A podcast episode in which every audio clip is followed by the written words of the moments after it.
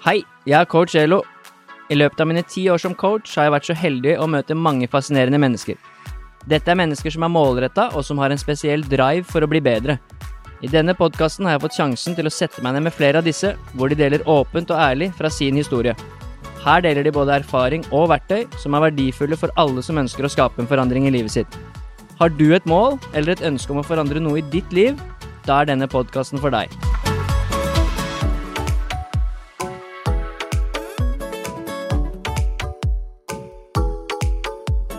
Hei og velkommen til en ny episode av Coach Elo med gjester. Jeg sier hver gang at jeg gleder meg til å spille inn, og det gjør jeg. Det er uh, reelt, men uh, denne gangen så gleder jeg meg litt ekstra mye, fordi jeg vet at det blir en, uh, en litt annerledes historie enn mange av de andre som har vært med i poden. Alle historier er unike, da, det pleier jeg å si, men denne er kanskje litt mer fargerik på en annen måte, så det blir interessant for meg også å prate om det. Jeg har med en kompis og en kollega som heter Samuel. Han er 28 år, nærmer seg 30, og jobber som PT og coach sammen med meg, i hvert fall akkurat nå. Så får vi se hva fremtiden bringer for oss begge. Uh, han har definitivt en historie å fortelle. Vi skal prate litt om PT-yrket, faktisk, men uh, aller mest om hans historie, da. Uh, hvor han er fra, hans reise i livet så langt. Og vi satt og så her på, på Globusen i stad. Jeg kjøpte meg en ny Globus med gull på. Eh, og så viste han meg hvor, hvor, i verden han er fra. Eh, langt ned i Afrika. Langt inn i hvert fall i landet. Det er ganske langt derfra til Norge. Fysisk. Eh, så jeg gleder meg til å høre din reise derfra og opp til lille Norge. Ja. Det er eh, spesielt. Så eh, før vi går i gang med litt fun facts og noen kule historier, så velkommen til deg, Samuel. Tusen takk. Tusen takk. Du, du er på plass i Lier. Jeg er på plass i Lier. I Jeg mitt sånn- nye studio. Det er veldig fint, da. Og det, jeg liker at vi sitter og ser på naturen mens vi prater nå. Det er litt deilig. Ja, det er fint. Litt eh, klønete med de borda her, men eh, når jeg får de nye stativene mine, så blir det bra. Slenge mikrofonen. Ja. Men studio, nye studio, jeg liker det. Mm. Det er fint. Eh, Vi har vært og kjøpt oss kaffe. Var en liten tur innom jobben i stad. Tok en god kaffe fra Afrika Ja. på vei hit. Så nå drikker vi kaffe fra Etiopia, som er min favoritt. Men jeg drikker også en del kaffe fra Burundi, og det er jo der du er fra. Det er der jeg er fra. Det er god kaffe. Det er veldig god kaffe. Så jeg burde jo valgt Burundi i dag, da, men eh, det ble Nei, det går bra. Det er fint for meg å oppleve noe annet også. ja. Så klar for å spille inn? Vi har jo snakket om det en stund nå, at vi skal spille inn episode. Eh, og så ender vi alltid opp med å bare sitte og prate om alt mulig annet, og så glemmer vi å spille inn. Ja, det, og så sitter vi noen timer Ja. eh, ekstra. Så ja. Det er jo egentlig en fun fact som jeg skulle ta etterpå. Jeg kan ta det med en gang. Du er jo en av de kompisene jeg har som jeg har mange gode samtaler med. Mm. Vi er jo litt like på det.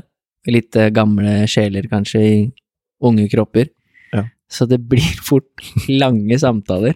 Tre, fire og fem timer. Ja. Så er det sånn, shit, nå må jeg egentlig stikke, jeg må rekke det toget, eller jeg må faktisk gjøre noe annet. ja. Det, det pleier å bli litt sånn eh, Vi glemmer tida, tror jeg. Og så flyter samtalene så bra, og så tenker man ja, nå har vi sittet i en eller to timer, og så ser vi på klokka, siden at begge to er litt sånn Gidder ikke å sitte med mobilen og sånt når vi prater, så er det sånn Oi, ja, ok, da har tida gått litt. Grann. Ja, Så, ja. definitivt. Ja. Så den, eh, den, den podden har vi kødda med i stad. Det blir en sånn Norge Rundt-episode. du, du, du rekker å kjøre Norge Rundt i sommer og høre på denne episoden her. Ja. Nei, vi skal prøve å holde den til, til rundt et par timer. Mm. Eh, og det tror jeg vi skal klare. Det tror jeg. Så før vi går i gang med historien din da, og tar noen fun facts og litt forskjellige historier, så hva skjer i ditt liv akkurat nå? Det skjer jo som regel alltid en del. Det skjer som regel alltid en del. Eh, nå skjer det litt ekstra, fordi jeg skal eh, overføres til nye episoder, holdt jeg på å si. Eh, jeg har hatt eh, to fine år eh, på arbeidsplassen min, hvor jeg møtte deg, i Actic i Asker. Og så på veien videre nå, så har jeg valgt å på en måte ta et steg for meg selv, og har sagt opp stillinga der. Eh, så nå blir det mye reising, eh, fokusere på studiet, som jeg har også tatt ved siden av jobben og eh, jobbe litt sånn på egen hånd. Og fortsatt møte kunder, fortsatt eh, møte kollegaer, og fortsette å bygge livet, men nå eh, utenfor Arctic sin kontraktramme, da. Så det blir jo en spennende ny fase, da, i livet mitt. Ja, du har vært eh, Vi jobber jo på Actic begge to, som du sa. Mm. Du har vært lojal mot det stedet. Mm. Eh, det står det stor respekt av. Vi skal ikke prate så mye om Actic i dag, men vi skal prate en del om PT-yrket. Mm. Så det er kult at du velger å gå din egen vei og bli, hva skal du si, mer en frilans eller en selvstendig PT, da. Mm. Eh, Det er positive ting med begge deler. Det å være ansatt et sted, det å gå sin egen vei. Ja. Kan lære av begge deler, da. Det tror jeg. Nå får du mer tid til å reise og gjøre litt andre ting. Ja. For det er jo en annen grunn også til at du reiser en del nå. Det er vel det. Du har fått deg kjæreste. Det har jeg. Jeg har fått meg en eh, flott jente fra Polen, faktisk, eh, som jobber som flyvertinne for eh, Emirates. Eh, I år så ble de jo kåra til eh, verdens beste flyselskap. Ja, det er. Eh, så eh, der er det jo mye som kommer med, da. Eh, at hun eh, kan lande steder, og jeg kan møte henne der. Og vi kan reise litt sammen. Og så er hun jo basert nå i Dubai. Så for meg så blir det vel primær mm, sted å dra til, da, for å møte henne. Så det blir litt kult. Ja, du har jo fortalt litt nå det siste Vi prater jo en del, eh, som vi sa i innledningen. Vi har mange lange samtaler, og noe vi prater om er jo alltid relasjoner. Mm. Relasjoner og damer og sånne type ting. Vi er begge litt gammeldags på det òg, så det er jo kult at du har funnet deg en som du matcher med, men dere har litt sånn spesielt forhold òg, siden dere, dere er liksom Du legger ut litt bilder av Nå er vi i Dublin i Irland, plutselig. Det var der det passa å møte henne nå. og så ble det der, og så ble det plutselig Frankrike, og så var det litt Dubai, og så Mm. litt overalt, da. Ja. Det er litt kult, da, fordi jeg tror man kan jo ha det den klassiske måten hvor man møtes på samme stedet, og så eh, er man kjent med omgivelsene sine, så man har full kontroll. Men da å på en måte møtes i Dublin, for eksempel, hvor eh, den ene dagen så pøsregna det så mye at eh, du blir gjennomvåt på to sekunder, så var det litt annerledes. Og litt sånn eh, eksotisk, og bare Hvor skal du lande? Ja, jeg kjøper flybillettene, så møtes vi der. Mm. Og så bare gjør man det. Det er litt sånn eh, kult eh, måte å isolere seg selv på og bli ordentlig kjent med hverandre. Et sted hvor ikke omgivelsene deres på en måte kan eh, påvirke dere, da. Dette det har vi snakka mye om, men det har jeg skikkelig trua på. Mm. Generelt det å, å, å oppleve noe med den du eh, eventuelt ønsker å bygge en sånn relasjon med, da, eller sjekke ut om det kan bli en sånn relasjon. At ikke det bare er sånn Netflix og chill. Ja. Fordi det, det er jo ålreit, det, av og til, men det er jo ikke så spennende. Nei. Det er kulere å reise rundt sammen og Ja. Jeg tror det blir litt sånn eh, dødt etter hvert hvis det er bare Netflix og chill. Ja. Så anbefales absolutt. Og dere får definitivt noe å oppleve sammen. Ja. Nå skulle dere til Afrika i sommer. Mm. Zanzibar. Ja. Det var en fun fact jeg også lovte å ta med, at neste år, 2024, om et år, så, så planlegger du å dra til Burundi. Mm. Det er jo der du er fra, Ja. og der har du ikke vært siden du flykta derfra. Nei. For Det- veldig, veldig mange år siden. Så det er spesielt, da. Det er litt spesielt. Litt sånn eh, eh, Hva kaller man det? Et prosjekt som har blitt utsatt år etter år. Fordi man finner den ene unnskyldningen etter den andre. Eh, så nå blir det jo Nå er det nesten satt i stein.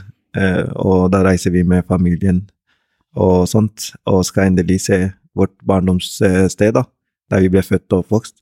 Så alle er på en måte veldig spent, og vi overplanlegger, tror jeg. Alle Ja. detaljer. Så det blir jo spennende, tror jeg. Ja, er det gærent? Det blir spennende. Det her, og vi har snakket om det også. Det kan jeg jo ikke fortsette å si hele episoden. men, men Snakk om alt. du har jo ordentlig bakgrunn fra et annet sted. Mm. Men jeg kan relatere på noe, da, som vi har hatt i samtalen, at jeg har jo en mor fra Sør-Korea. Hun er adoptert derfra. Mm. Så man har liksom med seg både utseende, gener eh, og litt historie fra et annet sted enn Mm. Norge. Eh, Og jeg har aldri vært i Sør-Korea heller. Nei. Så det er noe med meg òg, når jeg blir eldre, så trekkes jeg litt mot at en eller annen gang må jeg dra og sjekke bare hvor mamma egentlig er fra, da. Mm. Bare hvordan ser det ut der, liksom, hva spiser de, hvordan er kulturen? Ja. Eh, Det er noe med at man vil sjekke det ut. Ja. Eh, Det er som en liten brikke i livet ditt som du føler at du burde bli kjent med. Mm. Og jo eldre du blir, jo større avstand føler du til den, så da blir du tiltrukket til den litt mer, tror jeg. Så det er litt sånn eh, Det er litt spennende å tenke på, da. At du, du også, som du sier, er fra Sør-Korea, har ikke vært der. Men eh, tanken vekkes mer og mer på å prøve å komme seg dit og utforske din heritage, da, din arv. Ja. Ja. ja, det er veldig spennende. Så jeg håper jeg får reist dit, eller det er jo opp til meg, det. Eh, Jeg skal reise dit en gang. Ja, det må du. Må Kanskje sjekke. jeg blir med deg, da, for å holde deg i hånda. Ja, det må hende må. Jeg tror mamma har lyst til å reise dit, hun har heller ikke vært der. Oi, Men ja. eh, det er litt lang flytur for en som ikke er glad i fly. Ja. Så kanskje vi må snakke med din kjæreste om å få litt ekstra gode billetter ja. på Emirates. og litt ekstra gode seter. Litt ekstra gode seter, first class. Ja. Ja. Men jeg gleder meg til å prate om historien din og, og høre alt fra de gode tingene til Mm. de litt kjipere tingene, og til hvordan det har påvirka deg nå eh, i hele livet, og kommer til å påvirke deg resten av livet, Mm. og hvordan du lever med alle de opplevelsene du har hatt da, som barn, Mm. som i hvert fall kanskje ikke så Noen kan relatere, men ikke så mange kanskje fra Norge som opplever det på den måten at man må flykte fra landet sitt. Det er jo en følelse og en tanke som er helt sånn Det går jo ikke an å sette seg inn i det når man er fra Norge, fordi Mm. man har vært Med mindre man har en bakgrunn som deg, da. Og det er, jo- ja. Ja, men før det så må vi ta noen fun facts, da. Kjør på. Jeg gleder meg. Ja. Ja. Jeg sa jeg skulle Du skjønner det hva jeg mener når, jeg, når jeg nevner det. ja. Så den første kan vi ta, da. Det er noe som heter Nå har folk skjønt at du har bakgrunn fra Afrika, Mhm. og jeg har flere gode kompiser. To av mine beste kompiser er fra Afrika. Han ene er fra Kongo, han Mhm. har også flykta derfra. Han andre er fra Etiopia. Mm. Eh, Han har ikke flykta, da, men han, han har også familie derfra. Og det er noe som man kaller for African time. Som også du har tatt litt i arv, har jeg skjønt. Ja, Ja. Jeg òg blir jo kalt for i, i min norske vennekrets for at jeg har blitt født for seint. og det, det tror jeg kanskje jeg har òg. Ja. Jeg har nok det. Så jeg kommer sjelden for seint til ting som er viktig, eller møte med en venn er jo viktig, for Mm. all del. Men da kan jeg komme litt seint noen ganger. Men jeg kommer alltid. Du kommer alltid. Jeg er avlyser aldri. Jeg dukker alltid opp. Og PT-timer og sånne ting, det er veldig sjelden jeg kommer for sent. Mm. Jeg kommer som regel rett på tida, eller rett før. Mm. men jeg er tidsnok.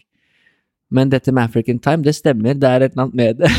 Jeg vet ikke hva det er. Kanskje man eh, Vi afrikanere vi lever jo et sånn eh, flytende, genuint liv. Ja. Så det er sånn Å ja, med mindre jeg er pliktig til å møte opp på den tida, så kan jeg ta meg litt ekstra tid på å lukte på disse blomstene, eksempel. Så bare, ah shit, jeg har lukta på dem i ti minutter, nå må jeg faktisk komme meg av gårde. Jeg bruker Ja. det som unnskyldning. ja.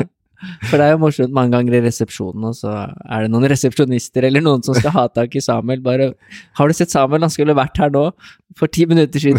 Så sier jeg nei, men han er fra Afrika, så han er sikkert på vei. Jeg pleier vanligvis, spesielt i PT-timer, så har jeg alltid sånn fem eller fire på rad. Og så er jeg veldig sånn Jeg liker relasjoner, jeg liker relasjonsbygginga, så etter at vi har trent sammen med en kunde, så står jeg gjerne foran garderoben og prater ekstra med dem om ting som ikke har noe, noe betydning for treninga eller for progresjonen. Og så plutselig er det sånn Oi, jeg må til neste kunde. Ja. Og så går jeg og møter neste kunde. Så, Og det er sånn, det er jo ikke noe vondt ment, det er ikke sånn at du er for sein fordi at du, du gir faen, det er ikke derfor. Nei. Det er bare så, det er noe som dukker opp hele tiden. det, dukker bare opp. Som når vi har samtaler, og så ser vi på klokka bare shit, det har gått fem timer. Jeg Ja. trodde det hadde gått tre. Ja. Nå er jeg for sein til neste Ops. Må løpe. Ja. Så til de som har opplevd at vi kommer for seint, vi mener ikke noe vondt med det. Nei, bare tenk på oss mens vi lukter på blomster, så kan dere smile litt. Ja, vi dukker alltid opp igjen. Ja. Så det er morsomt. Jeg husker jeg ble satt inni med min kompis Ebby, da, som er fra Etiopia. Han prøvde å sette meg inni liksom eh, hva det vil si, da, på kødd, og lage en sånn oversikt over afrikansk tid. Mm. Så ofte når du ringer Ebby og spør liksom Han skulle vært her for fem minutter siden, hva skjer, er du her? Så sier han nei, jeg er på vei. Mm. Når han da sier jeg er på vei, så betyr det typ at nå skal jeg snart gå i dusjen Ja, ja. og gjøre meg klar til å kle på klar. meg, Ja, eh, og så kommer jeg. ja. Hvis jeg sier jeg er rett rundt hjørnet, da betyr det at jeg er snart på vei ut døra hjemme. Jeg driver og tar på meg skoa liksom, og ser etter ting jeg skal ta med meg videre. Ja. Ja. Og hvis han sier typ at jeg er der om ett minutt, da betyr det at nå setter jeg meg i bilen snart og begynner å kjøre. Ja. Og det er 20 riktig. minutter å kjøre dit, men nå Jeg er der om ett minutt. jeg er der om ett minutt. så vi hadde noen Ja. sånne på skolen når vi vokste opp. Uff. Det var gøy. Jeg, jeg dukker opp historier i hodet mitt. Jeg eh, Seinest nå på Når var det? Det var på tirsdag. Mm. Så har jeg en, en kompis, han som er fra Kongo. Han bor i Kristiansand. Diddy, en av mine beste kompiser. Så når du hører denne episoden her, så kan du skamme deg. Nei, jeg tror ikke han gjør det. Jeg tror ikke han bryr seg. Han ringte meg på mandag og sa du, jeg er på Han har også fått seg kjæreste, da. Jeg er på Norge Rundt-tur med kjæresten. Jeg har tatt Mm. tidlig ferie, da. Ja. Og vi er i Hemsedal nå. Og vi tenker Det var på kvelden på mandag, så han sa vi skal stikke til Oslo. Så sover vi der, og så skal vi kjøre til Kristiansand på tirsdag. Mm. Så la oss komme innom Drammen og hilse på deg. Så sa jeg bare ja, det er kult. Jeg eh, har hjemmekontor tirsdager, men jeg sitter på den kafeen. Mm. Dette er adressen. Da sitter jeg fra ti til fire og jobber uansett, så er jeg der, liksom. Jeg ser hvor dette går. Det er Det er seks timer. Når er det der sånn cirka? Han bare nei, vi skal sove i Oslo, så skal vi spise frokost i titida, Mm. og så kjører vi mot Drammen sånn rundt elleve. så sa jeg ok, jeg er der til fire, så kanskje vi ses. Jeg visste det her kommer ikke til å skje. Ja. Så sender jeg en melding klokka ni på tirsdag, så sier jeg uh, er på den kafeen som jeg nevnte i går, sitter der til fire. Mm. Uh, er dere i rute, eller drar dere rundt elleve? Så fikk jeg svar rundt halv ti. Mm. Bare ja, vi skal spise frokost snart, og så, så reiser vi, da. Våkna nettopp. Ok. Uh, klokka blir elleve. Tolv. Ett. klokka blir to. Øh. Jeg kjenner Diddy godt nå, så jeg tenker ja, ja, de kommer etter hvert. Mm. Klokka blir tre, så nå er det en time, En time til, liksom. til jeg må dra, for Ja. da skulle jeg noe annet, da. Så ringer jeg, og han tar ikke telefonen. Så sender jeg melding. Du, jeg skal være her til fire, men da må jeg stikke, liksom. For jeg må hente bikkja, og jeg må gjøre sånn og sånn. Uh, halv seks jeg får melding av han. Bro, vi er fortsatt i Hemsedal. Han har ikke dratt. Til Oslo engang. Å, selvfølgelig. Å, shit. Vi jeg drar nedover etter hvert. Jeg kommer innom neste gang. Ok. Hvorfor? Det er Diddy i et nøtteskall. Det var vondt å høre på. Ja. Så han var fortsatt i Hemsedal. Han var ikke i nærheten av å komme. Han skulle spise, spise frokost, da. Ja, jeg burde skjønt det. Ja, Så neste gang kanskje jeg møter han da. ja. Det, det, det er litt sånn treghetssystem i dette her, tror jeg. Så, ja. Det er noe med afrikansk tid, altså. Det stemmer. ja. 100% Men det som er gøy, er at når de først møtes, da er det the best time ever. Altså, Ja, ja. Men det er bare å få til å møtes. Ja. Hver gang vi møtes, så tar det ti sekunder, så er alt som før. Og så Mm. prater vi. Men, Kjøpte litt eh, først på de ti sekundene. Ja, men vi kjenner hverandre så godt nå at, at vi har blitt vant til det. Og noen ganger er det jeg som er for sein, men Ja. jeg dukker i hvert fall alltid opp, Ja, til motsetning. bli igjen på Imsedal. Ja, det er fint. Vi har tatt noen fun facts allerede nå. Mm. Eh, litt African time, og litt at du skal til Burundi neste år. Mm. Men eh, den siste, da, før vi går videre, det er fra Vi hadde julebord i desember, Mm. og så skulle vi møtes på utested. Dere hadde vært på vors et eller annet sted, jeg husker ikke hva jeg gjorde, men et annet sted. Så kom jeg, så parkerer jeg i Asker. Jeg sa du kom til å vite når jeg forteller det. Idet jeg lukker opp døra i Asker, for jeg var litt i min egen verden, så hopper det en stor mann inn i bilen min. Bare 'Elo!' Og det var deg, Samuel. Holdt på å skremme livet av meg, fikk nesten hjerteinfarkt. Og så sier du til meg 'Er du ute og kjører i fylla?' Så jeg bare 'Nei, jeg er ikke det'. Og du sa du bare 'Det var bare en spøk', da. Mm. Så sier jeg men, 'Ja, det var bra spøk, Samuel'. Hva, har du snakket om? Så kan du fortelle resten av historien. uh, nei, jeg, jeg kjørte jo rett bak deg, og så ser jeg liksom eh, en Jeg gjenkjenner jo bilen din veldig lett, og så ser jeg at en fyr driver og blinker med høyrelyset hele tida. Og, virker, og jeg er sånn Skal de svinge av nå? Skal de svinge av nå? Skal de svinge av nå? Og så tenker jeg han må være helt borte. Han, han svinger ikke i det hele tatt. Og så ser jo det, når man først er i gang, så ser jeg, litt, ser at du sjangler litt, og så tenker jeg hva skjer i den bilen, liksom? Og så svinger du av og parkerer, og så tenker jeg nå må jeg bare si fra til han at det ikke er bra. Det er ikke bra å kjøre i bilen. ja, hadde jeg nødlys på etter hvert der òg, tror jeg. ja. Nødlys hele veien også. Så jeg bare tenkte steike, hva skjer, liksom? Ja, du hadde ikke merka det, da? Jeg hadde definitivt ikke merka det, men da var jo egentlig vitsen litt morsom. Ja. Når jeg skjønte hva du mente. Ja. Men jeg sa den der i Polestar, den nødlysknappen, den er rett ved siden av girspaken. Det er helt Mm. fucka, så når du skal gire eller gjøre et eller annet, så kommer man ofte borti den med albuen. Ja, Så setter nødblinken seg på, og så legger jeg ikke merke til det, for det er ikke noe lyd. det, det... jeg, hadde, jeg hadde kjørt hele Asker sentrum rundt med nødblink, med og nedblink. så Samuel etter meg. Ja, da, det var ikke bare meg alene i den bilen. Alle var sånn Han må være drita. Ja. Være Vi skulle jo på julebord, så Ja. Men jeg var ikke drita. Det var det ikke. jeg kjører ikke i fylla. Ja. Vi gjør mye rart, men sånne ting driver vi ikke med, altså. Det er bra. Viktig. Ja, vi kunne tatt mange fun facts eh, og historier. Vi har kjent hverandre et år nå. Det er sånn. Men vi skal jo snakke om din historie, Mm. og for at den her ikke sant? Nå har det allerede gått 20 minutter. Dette er jo en av grunnene til at det alltid går så lang tid når vi prater. Ja. Så for at ikke det skal bli en sånn eh, Norge Rundt-episode, så må vi jo komme i gang med historien din, da. Mm. Og det skal du få lov å fortelle selv.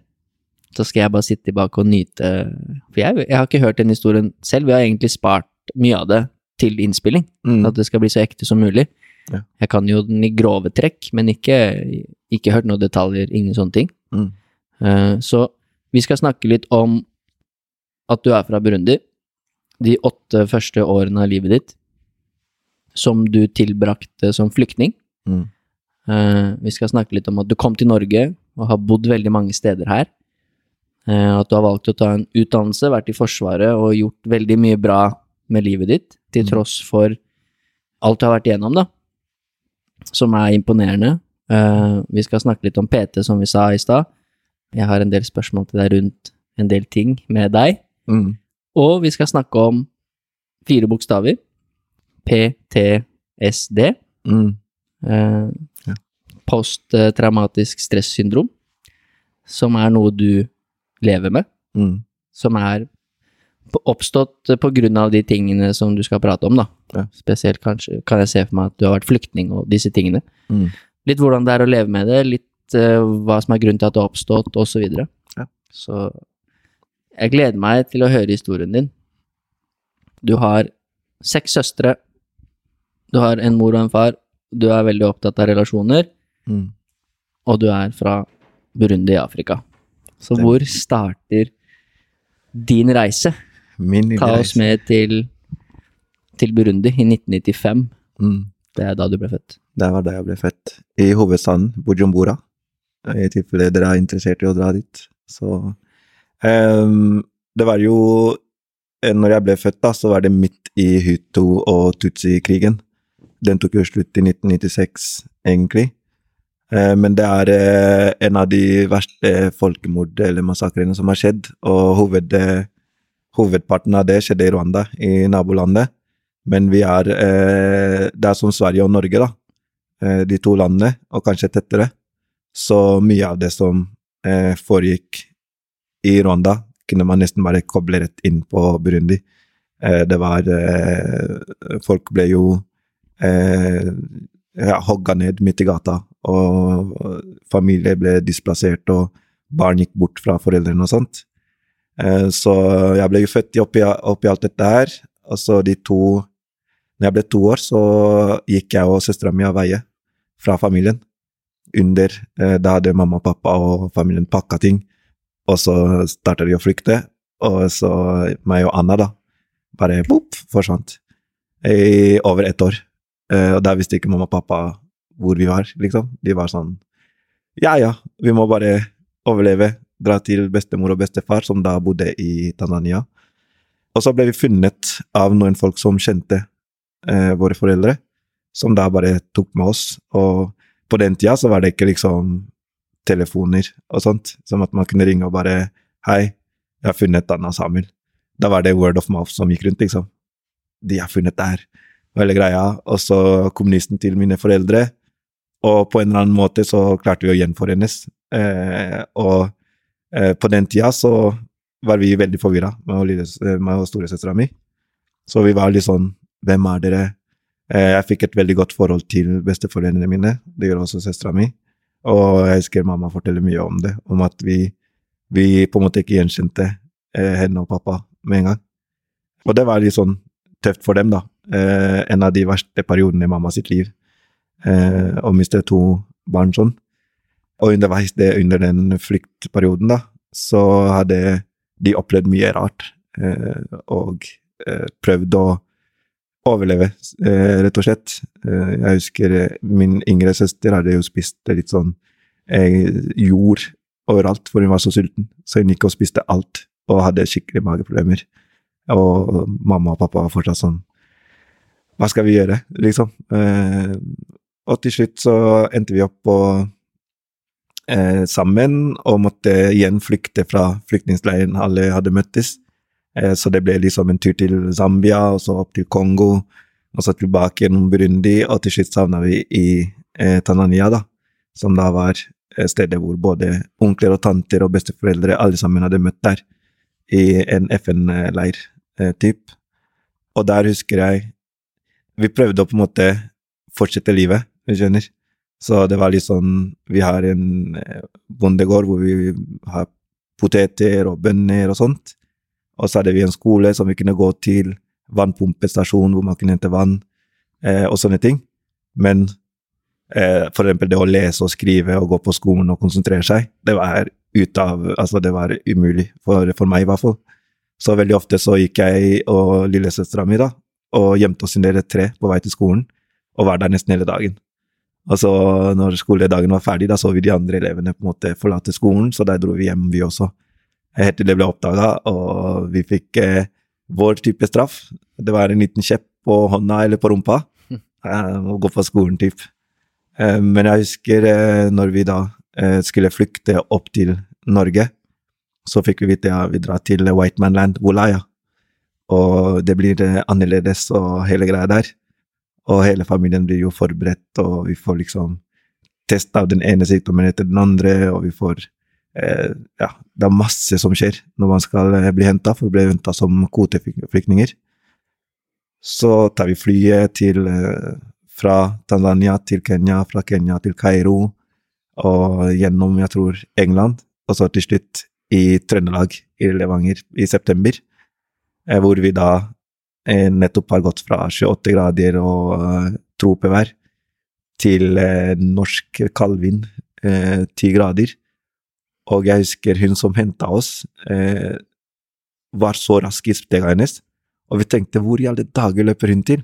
Her kommer litt av den African Time-greia. Hun hadde en tidsskjema som vi skulle følge, og vi har nettopp kommet til Norge, og vi tenker yes, frihet, ro, fred. Og hun bare hopp inn i bilen, og det liksom gikk i slag, og vi var så slitne av det, liksom. Eh, så kom vi til et hus som er forberedt, og det er liksom mat på bordet. Det er appelsinjuice, det er brød, det er liksom alt man kan tenke seg. Og vi ser på alt dette her, vi skjønner ikke noe av det. Vi tenker liksom ok, la oss starte med oranges, It's oranges, appelsinjuice. Så vi heller det inn i koppen, og vi prøver liksom å ta en slurk, og det går så dårlig. Vi spytter det ut. Det er så surt. Det er Altså, det smaker ikke appelsin i det hele tatt, da. Og vi er sånn Hvordan skal vi overleve når vi ikke kan drikke orange, liksom? så vi venter egentlig. Vi er egentlig sultne, men vi tør ikke å spise noe. Så vi venter på en dame som at hun kan komme bort og hjelpe oss med det vi faktisk kan spise og ikke spise, for vi vet egentlig ikke om det er vaskemiddel eller ikke, liksom. Typ. Eh, så det er jo utgangspunktet. Ingen av oss snakka norsk, av, eh, bare pappa snakka engelsk. Eh, egentlig hele gjengen kunne ikke skrive eller lese. Bare pappa igjen som kunne skrive og lese ordentlig. Så da var det liksom La oss starte med alfabetet, la oss starte med tallsystemet. La oss starte med å gi dere vinterklær og hele opplegget der. Så det er det å bare venne seg til hele det. Og så starter foreldrene mine å gå på norskkurs, og vi blir satt i offentlig skole. Og der er det forsøk på mobbing, men vi er jo fra Afrika og har flykta veldig mye, så vi ble jo ordentlig mobba i Afrika. Så når vi kommer til Norge, og det er sånne småunger som prøver å bølle med deg, ikke folk i tiende klasse, nå er det folk i din klasse som prøver å mobbe deg, så gjør det nesten ingenting, og du tar igjen beinhardt. Så jeg husker jeg banka opp to tvillinger som prøvde å dytte ned søstera mi fra en eh, akebakke og prøvde liksom erte henne, og hun kommer til meg gråtende. og Jeg blir dritsur. Jeg går opp den bakken og bare banker dem og sender dem den bakken. Og læreren min kommer og er sånn her 'Du kan ikke gjøre sånt'. Jeg bare 'Kan jeg ikke?' De prøvde først, liksom. Eh, så det var liksom hele den, det stresset med å liksom være i, ny, eh, i et nytt samfunn, i en ny eh, kultur, ny språk, alt dette her. Så tenkte faren min at ja, kanskje det er for mye for familien, så vi flytter dem ned til Oslo. Og vi er sånn Yes, hovedstaden. Der skjer det ting. Og vi havner i Åmot, i Modum. Som for de som ikke er kjent med Østlandets eh, kart, så er det to og en halv time, timer i offentlig transport da, fra Oslo. Og det er langt inn i ingenmannsland. Eh, og der sitter vi fast i noen år, men det ga oss litt fred, egentlig, fra veldig mye. Så vi fikk tida til å lese ordentlig, til å være med hverandre og sånne ting. Og så var det ikke så mange flyktninger der, og utlendinger, så vi fikk litt ekstra oppmerksomhet, litt ekstra hjelp og støtte. Og der møtte jeg altså min eh, første venn i Norge, som også heter Samuel. Og ja, han bare hang hele tida, gjorde masse sammen. Foreldrene hjalp oss veldig mye med forskjellige ting. Og de hjalp meg liksom med å finne fotballtøy og hele opplegget der. Eh, jeg havna på mitt første fotballag der, og der også ble jeg veldig godt tatt imot. Gutta digga meg, jeg digga dem. Kom nesten aldri på trening, for det var eh, vintersesonger, og jeg klarte ikke å liksom være ute i minus ti grader og løpe rundt på en bane. Det skjer ikke. Så jeg kom alltid hver vår nesten og trente med dem. Eh, og var alltid over startoppstillinga og gjorde jobben min. Men eh, det var også en sånn tilvenningsgreie. Klima i Norge. Jeg tror til og med den dagen i dag så sliter jeg litt med det. Eh, det er mørkt, det er kaldt. Eh, folk ser ned i bakken oftere i, på vinteren. Vi snakka litt om det, at eh, når det blir varmt, så ser du nordmenns ansikter, og de smiler, og de er aktive ute, og de viser litt av seg selv. Men når det er kaldt og det er mørkt, så er det helt umulig å nå frem til dem og sånt. Eh, og det er det jo litt sånn ekstra tungt, da, for de kommer fra et sted hvor alle måneder i året så møter du folk, og dere snakker, og dere eh, utveksler erfaringer, kunnskap, alt som er. Til i Norge hvor det er eh, hus, veldig godt bygd hus, med ordentlige dører. Og eh, alt du trenger er egentlig innenfor disse fire veggene. Så veldig sjelden eh, går du ut bare og forventer å møte noen. Da må du banke på en dør, og forhåpentligvis så er den åpen for at du skal gå inn. Eh, og der møtte jeg altså min eh, beste venn da, Mohammed, som eh, er fra Iran. Er samme kulturforståelse eh, og kulturoppbygging som jeg har. Så vi fant hverandre som brødre og har gjort utrolig mye sammen. Prøvd å bære hverandre gjennom både eh, ungdomsskolen, videregående skole og nå litt på voksenlivet. Og jeg har jo funnet flere venner, som i Skien, med en kompis som heter Bright, eh, som vi igjen Vi deler mye av de samme barndomshistoriene fra Afrika, med flyktning og sånne ting, eh, men veldig mye av de samme verdiene om hva vi egentlig ønsker å bryte ut av. For vi har jo arva en god del ting fra våre, i hvert fall fedre spesielt, som ikke er positivt for noen, egentlig. Som vi også må jobbe litt for å fjerne. Um, så når jeg ble litt voksen, jeg gikk jo på ungdomsskolen og videregående skole i Norge, og eh, drev med friidrett, sjakk og fotball. Og eh, digga å være i tiendeklasse, for eksempel. Der eh, koste jeg meg og leste dritmye, jeg trente, jeg var liksom i toppform, alt var greit. Eh, Starta på videregående skole, der gikk det ikke så utrolig bra første året. Eh, litt sånn forvirra, skjønte ikke hva fremtiden skulle bringe, og det kom et sånt press om at nå må du finne ut av hvem du er og velge en retning for resten av ditt liv. Samuel, klarer du det? Og jeg husker det var liksom Nei, jeg har ikke peiling på hva jeg kan gjøre, eller hva jeg kan bli. Jeg tror for veldig mange i min situasjon også, så er det ingen egentlig der til å vise deg hva du kan bli. Fordi både mine onkler og tanter er ikke der. Mine foreldre er også flyktninger her, så de prøver også å finne litt ut av hva de skal gjøre. Så det eneste du kan gjøre, er å se litt på TV, se litt på lærerne dine, se litt på foreldrene til de andre som du eh, har rundt deg, og prøve å liksom lappe sammen en eller annen eh, tanke om fremtiden som passer deg, da. Um, noe som egentlig ikke er så lett, fordi man ender opp med så mange interesser og sånne ting, men ingenting som er reelt, på en måte. Så for å ha litt sånn valgfrihet, så tok jeg realfag i andre og tredje klasse og tok med markedsføring og ledelse og internasjonal engelsk og spansk. Så jeg bare pakka inn så mye som jeg kunne på VGS for å ha så stort utvalg som mulig. Gjorde det veldig bra. Eh, har aldri slitt med skole, eh, til tross for at jeg starta å lese ordentlig da jeg var åtte-ni år.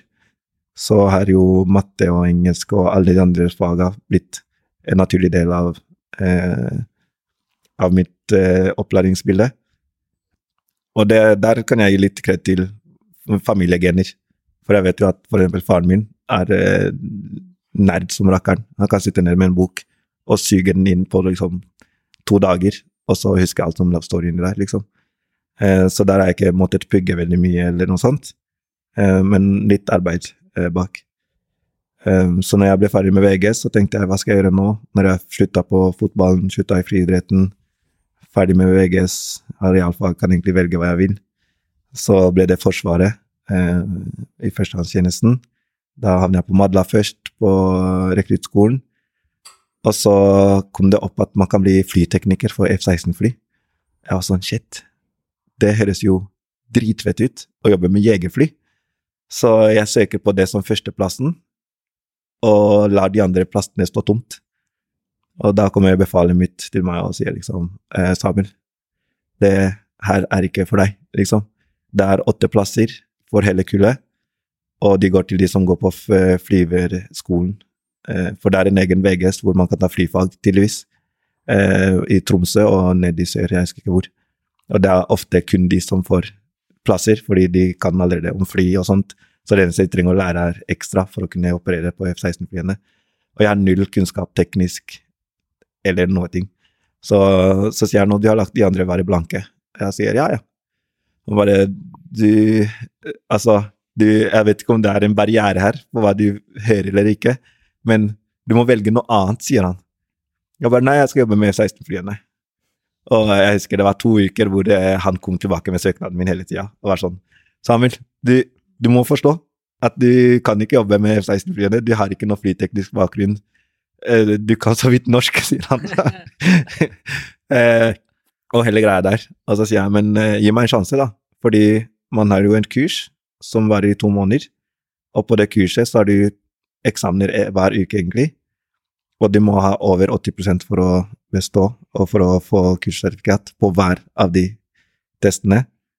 Og hvis du har én gang feil, så får du advarsel. Andre gangen så får du en skriftlig advarsel. Tredje gangen så er du ute. Og det er testing hele tida. Jeg bare Det er jo god mulighet for meg å lære, sa jeg. Jeg tenkte ja, ok, greit. Uh, unntakstilstand. Og de søker, og de ja, de jobber hardt for at jeg skal komme inn. Og så kom jeg inn, da. Endte opp eh, slutteksamen med 98% riktig, og fikk plass på hovedflybasen i Norge, på Ørlandet. Og fikk jobba der som flyvåpentekniker for F-16-flyene, og syntes at det var dritfett. Altså, det er det nærmeste jeg har kommet til A som Nest, liksom. Kunne kommunisere med fly, jegerflypiloter, være på line, tulle rundt med en så kraftig stor dings, liksom. Um, være med på varmeoppdrag. Det er jo guttedrømmen. Uh, og jeg tenkte shit, hva skal jeg gjøre etter dette her, uh, når jeg er ferdig? Jeg vil ikke fortsette i Forsvaret for uh, traumer. Og mamma og dem hater jo ideen av at jeg er i Forsvaret, liksom, i det hele tatt. Så da tar jeg meg et friår og flytter til Stavanger. Og der går jeg på religionsstudiet for å finne ut om de andre religionene oppvokst med kjempestreng kristen eh, oppvekst. Eh, så jeg tenker jeg burde vite litt mer om de andre som er rundt meg, liksom. Om ateisme, om judisme, om eh, hinduisme, om islam eh, og sånne ting. Så jeg tar et årsstudium i religion mens jeg på en måte prøver å finne meg frem. Starter å trene folk på sida eh, for moro skyld, og de starter å betale meg. Og jeg har ikke noe PT-sertifisering, men de syns at jeg er så godt trent, og jeg kan hjelpe dem med ting de ikke ser. Så da jobber vi eh, der. Og så etter ett år så tenker jeg shit, hva skal jeg gjøre nå, liksom? Så ja, tilbake i Forsvaret, eh, tar befalsutdanninga, eh, blir eh, tillitsvalgt for klassen, eh, blir valgt inn på styret på noe som heter Neon, som da er eh, et sånt styreverv for alle befalene i flyvåpenet i, Forsvaret. Og det ble bare et awesome år, eh, med ulike oppdrag til Nord-Norge og hele opplegget. Eh, trene soldater, være med soldater, lære utrolig mye. Få ærlige vonde tilbakemeldinger, men også utrolig mye mestringsfølelse og sinnssyke eventyr. Eh, rett og slett en liten terapirunde for meg også. Og det er først da jeg oppdager at jeg har PTSD, for jeg får en sånn type hodepineanfall og går og snakker med en psykolog, og han er sånn Det er ikke hodepine, og det er ikke det er ikke Dette er litt dypere. Kom tilbake neste uke, jeg må bare sjekke litt. Og så har jo de tilgang til veldig mye i Forsvaret. Så han eh, kaller meg inn eh, to dager etterpå. Så det sånn ja, Du får jo fysiske reaksjoner av uh, minner. Og du skjelver, og du klarer ikke å kontrollere Kanskje du ikke merker det, men jeg ser det, liksom, sier han. Han bare ja, du har skikkelig sterk PTSD, liksom. Det burde du utforske. Og så sier han ja, men hva betyr det for meg, liksom? Han bare ja, du burde slutte Forsvaret, du burde finne deg en rolig sted å bo, og så burde du få litt oversikt på hva som beveger seg rundt deg, sånn at du ikke blir trigga. Og så må du jobbe litt i de neste ti åra cirka, for å eh, klare å liksom finne en måte å leve med dette på. Det går ikke bort. Eh, men hvis du ikke eh, tar det seriøst, så kommer det til å ødelegge veldig mye av livet ditt. Eh, og jeg er liksom What? Litt skummel beskjed å få når du er 21 eh, år gammel og levd eh, halve livet ditt, på en måte. Så jeg tenker shit, da, da, må jeg gjøre det, da. Så jeg slutter i Forsvaret. Jeg flytter inn eh, hos en eh, familievenn i, i, Drammen. Og søker jobb som eh, vikarlærer og vekter. Og så jobber jeg i to-tre år. Eh, bare ro. Jeg, ikke noe på PTSD-en. Ingenting eh, ekstravagant. Bare gå på jobb, dra hjem igjen, sove dra på jobb, dra hjem igjen, sove. I to-tre år, liksom. Bare for å fordøye og roe ned, liksom. Og så eh, havner jeg i et forhold, flytter, i, flytter på Fornebu. Og før jeg havner i det forholdet, så drar vi jo til USA, da. For å møte mine besteforeldre for første gang siden forever, liksom. Eh, siden 1998, tror jeg. Eh, og vi drar dit, eh, meg, mamma og alle søsknene og sånt. Og så sier de ja, men vi savner onkelen din, for mamma sin lillebror flykta ut til Norge med oss og har vært her med oss hele tida, og så har han vært den eneste mannen på en måte i slekta som har vært nær meg siden jeg ble eh, født, nesten, til vi kom til Norge og utover. Så, men han kunne ikke bli med fordi han hadde fått vakter på jobb, han kunne ikke bytte dem ut. Men ja, han starta å snakke om at ja, til sommeren så kan jeg og du ta en guttetur, Møtte onklene, de andre gutta, og så kan vi på en måte ha vår egen man-time, liksom. Eh, så når vi eh, Dette er i 2015 i vinter, og så i februar 2016 så lander vi tilbake, eh, så har vi landa etter den her heftige turen, endelig blitt kjent med våre fetter og nieser som bor i USA og sånt. Og så er det hjemme hos kompisen min, da, bestekompisen min. Vi spiller Fifa klokka er ett på natta eller to, og, og så ringer telefonen min fra søstera mi, og de ringer aldri så seint. Og så ser han på meg, og jeg ser på han, og vi bare Hva skjer, liksom? Og jeg svarer telefonen, og hun hyler, liksom. Ja, sånn Oi, shit. Få ut to ord, liksom. Hun, det eneste hun får ut, er 'kom hjem', liksom. Så jeg husker ikke hva som skjedde der, eh, men jeg tar på meg skoa, tror jeg, og jeg bare beiner fra der han bor, og hjemover. Jeg føler han kommer og kjører meg, jeg sjekker ikke for busser, Ingenting. Er helt, eh, jeg er helt er blackout, liksom. Bare løper og løper og løper. Og jeg kommer hjem, og det er en politibil, og så er det en eh, prestebil der. Jeg er sånn oh, holy fuck, dette her eh, skjer ikke, liksom. de ser jo meg, da, og de spør liksom hvem er du, selvfølgelig, og sånt. Jeg sånn Jeg bor her, moren min er her, og hele opplegget. så går jeg inn i stua, Eh, og der er moren min helt knust, og alle søstrene sitter på sofaen.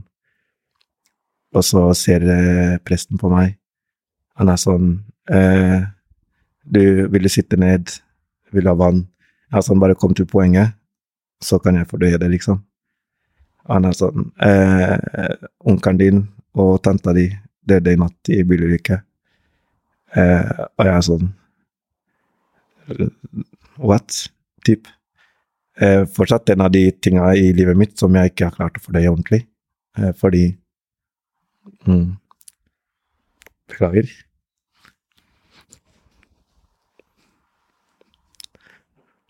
For når man har hatt eh,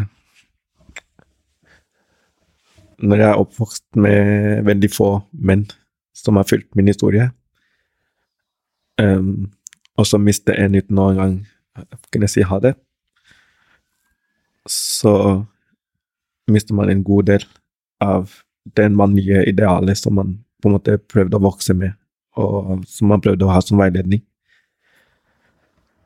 Uh, og jeg, jeg, klarte ikke å fordøye det da. Uh, for da tenkte jeg liksom holy shit, hva skal vi få gjort, og hvordan skal vi få gjort dette her? Um, og jeg husker han presten var liksom Bare sett deg ned. Og jeg klarte ikke det, da. Så jeg var skikkelig på prøve å ordne opp for familien, for søsknene. Og det var sånn i to-tre måneder.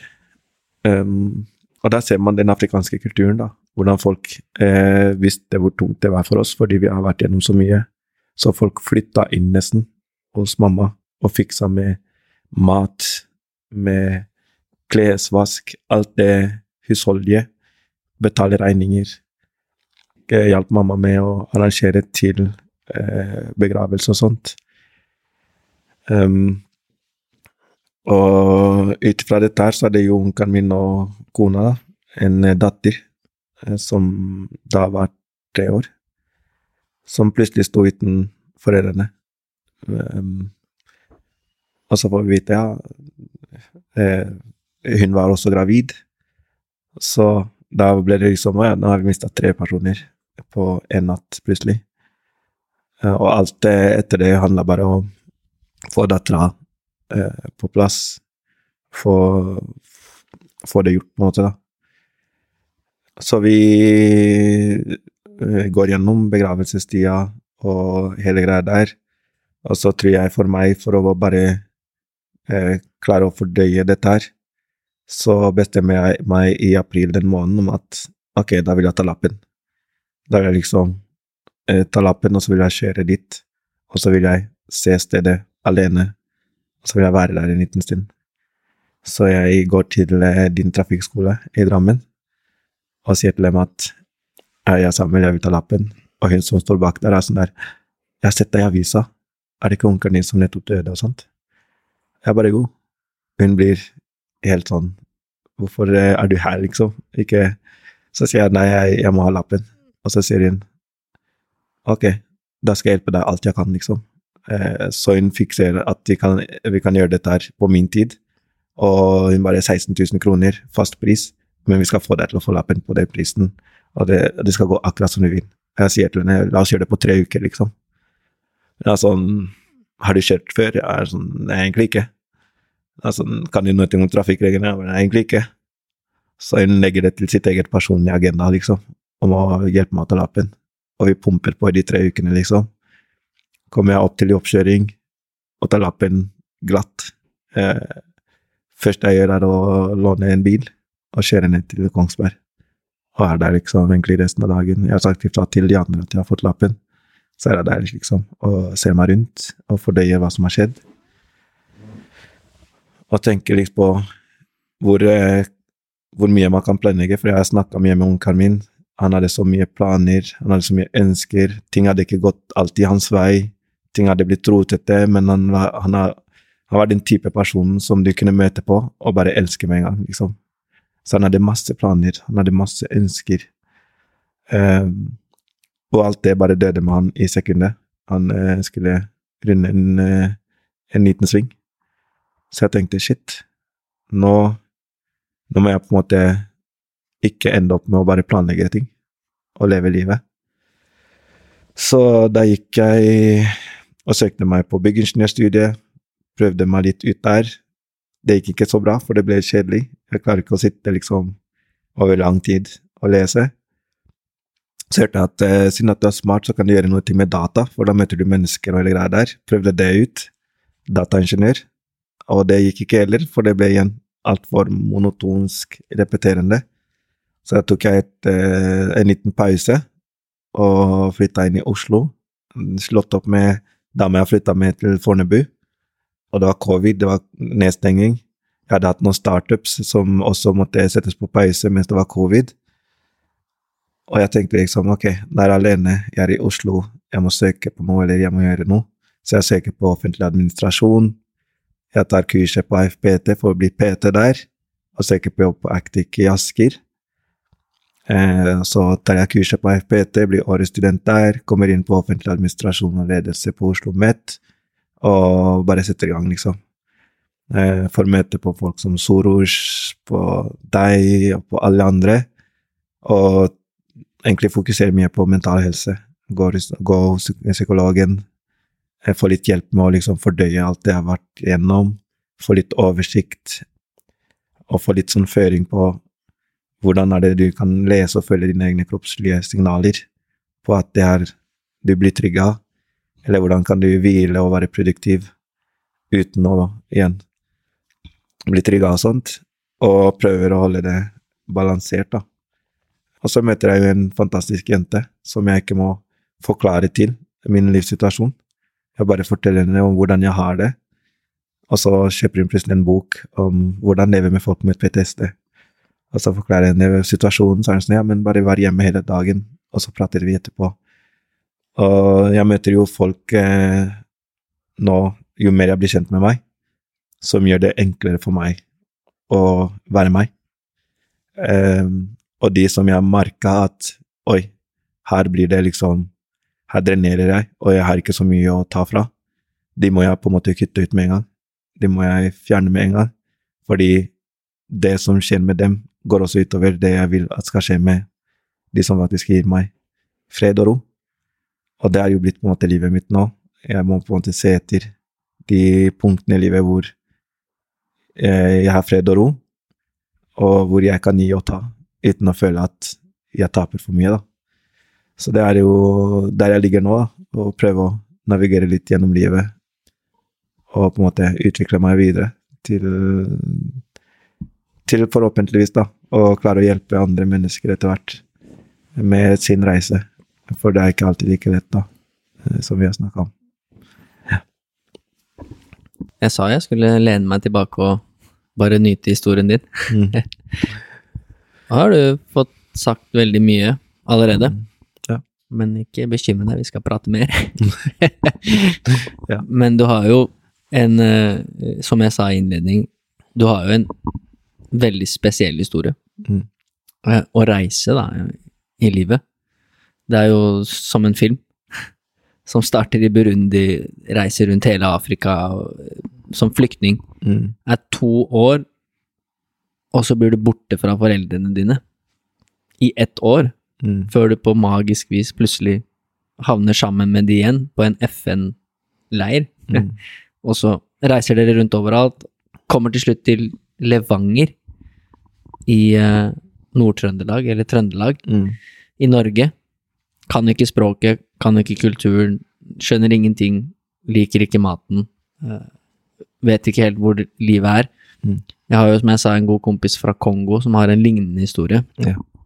Som også er flyktning, og som også uh, har fått til veldig mye, selv om han har den bakgrunnen han har, akkurat som du har. Mm.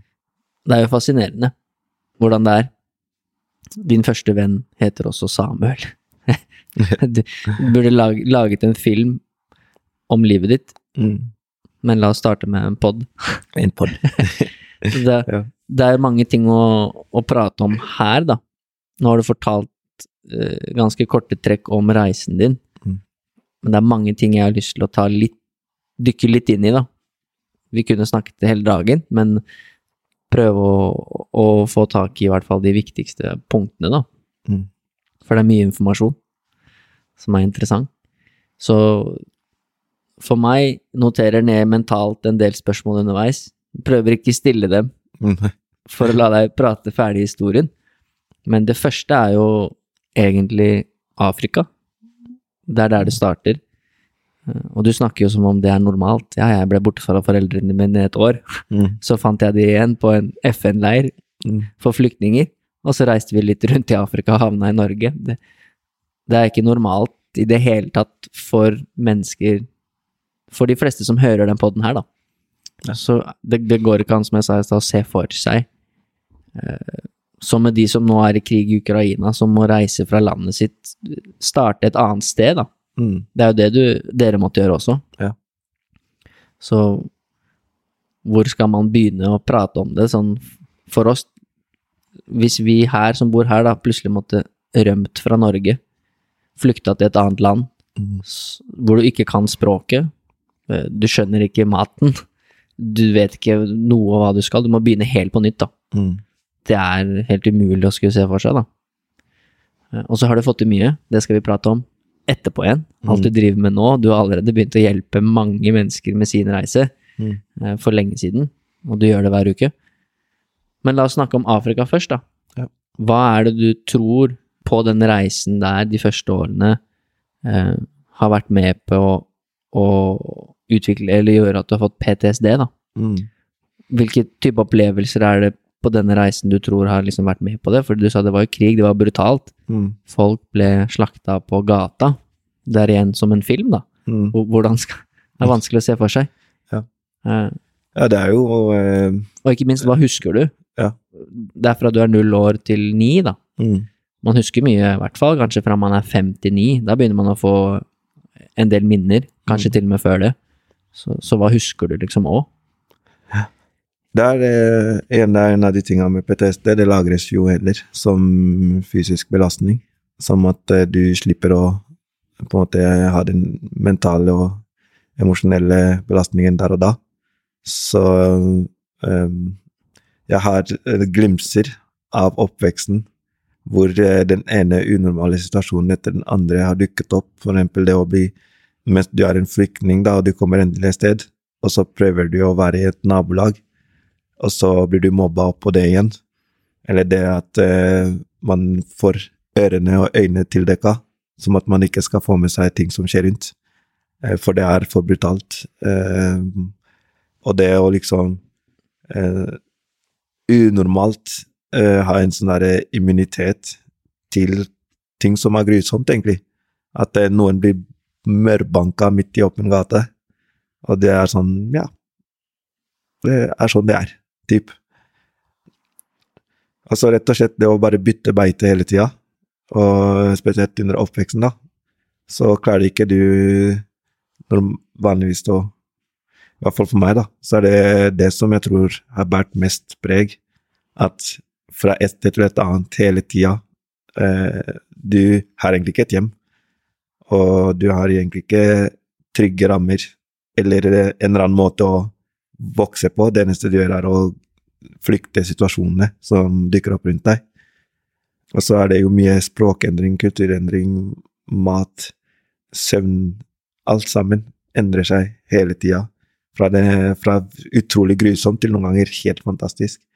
Og man klarer ikke helt å skille på hvilken som er hva. Um, og jeg tror det har preget meg også, eh, i hvert fall nå. At eh, selv om jeg ikke er i en farlig situasjon, så kan jeg få litt sånn skjelvinger. Jeg tror jeg har det nå. Eller at jeg kan kjenne at eh, jeg får et tett hode og blir helt blokka. Ehm, som et resultat av kroppen som prøver å på en måte isolere meg, eller prøver å varsle meg, eller, eller noe sånt. Så det er egentlig mye av det går mye på at du, du beveger deg gjennom farer, og egentlig mest på grunn av flaks, så overlever du. Fordi det er jo folk hele tida rundt deg som er bevæpna, som er kapable til å ta livet av deg, og de bare plukker ut og dreper, liksom. Så man må ha en god del flaks, og sånn som moren min pleier å si, guddommelig beskyttelse, for å i det hele tatt komme seg helskinna ut av det. Og etter hvert så er den flaksen på en måte noe man ser på og tenker holy shit, det var jo så nære veldig ofte. Det er så mange små detaljer som trenger å bare endres litt. så er hele historien snudd. Som for eksempel når vi flykta fra grensen fra Burundi til eh, Kongo første gangen for å flykte unna en bymassakre, og vi sitter i en sånn stygg liten båt, og det er iskaldt, det midt på natta, og alle ligger liksom ned flatt, og den ene som er oppe, er han som kjører båten. Og moren min blir syk og starter å spy over bord, og det er helt kaotisk. Man hører masse historier om folk som drukner i vann på grunn av sånne ting. Um, og jeg tenkte liksom, shit, hver eneste sånn steg, hver eneste bevegelse vi gjorde, fra et eller annet til et annet, og alt, liksom, uh, måtte, måtte skje som det gjorde for at jeg skulle havne i Norge. For uh, vi, vi, er jo oppvokst og flykta med andre, og det er ikke alle det går bra med heller.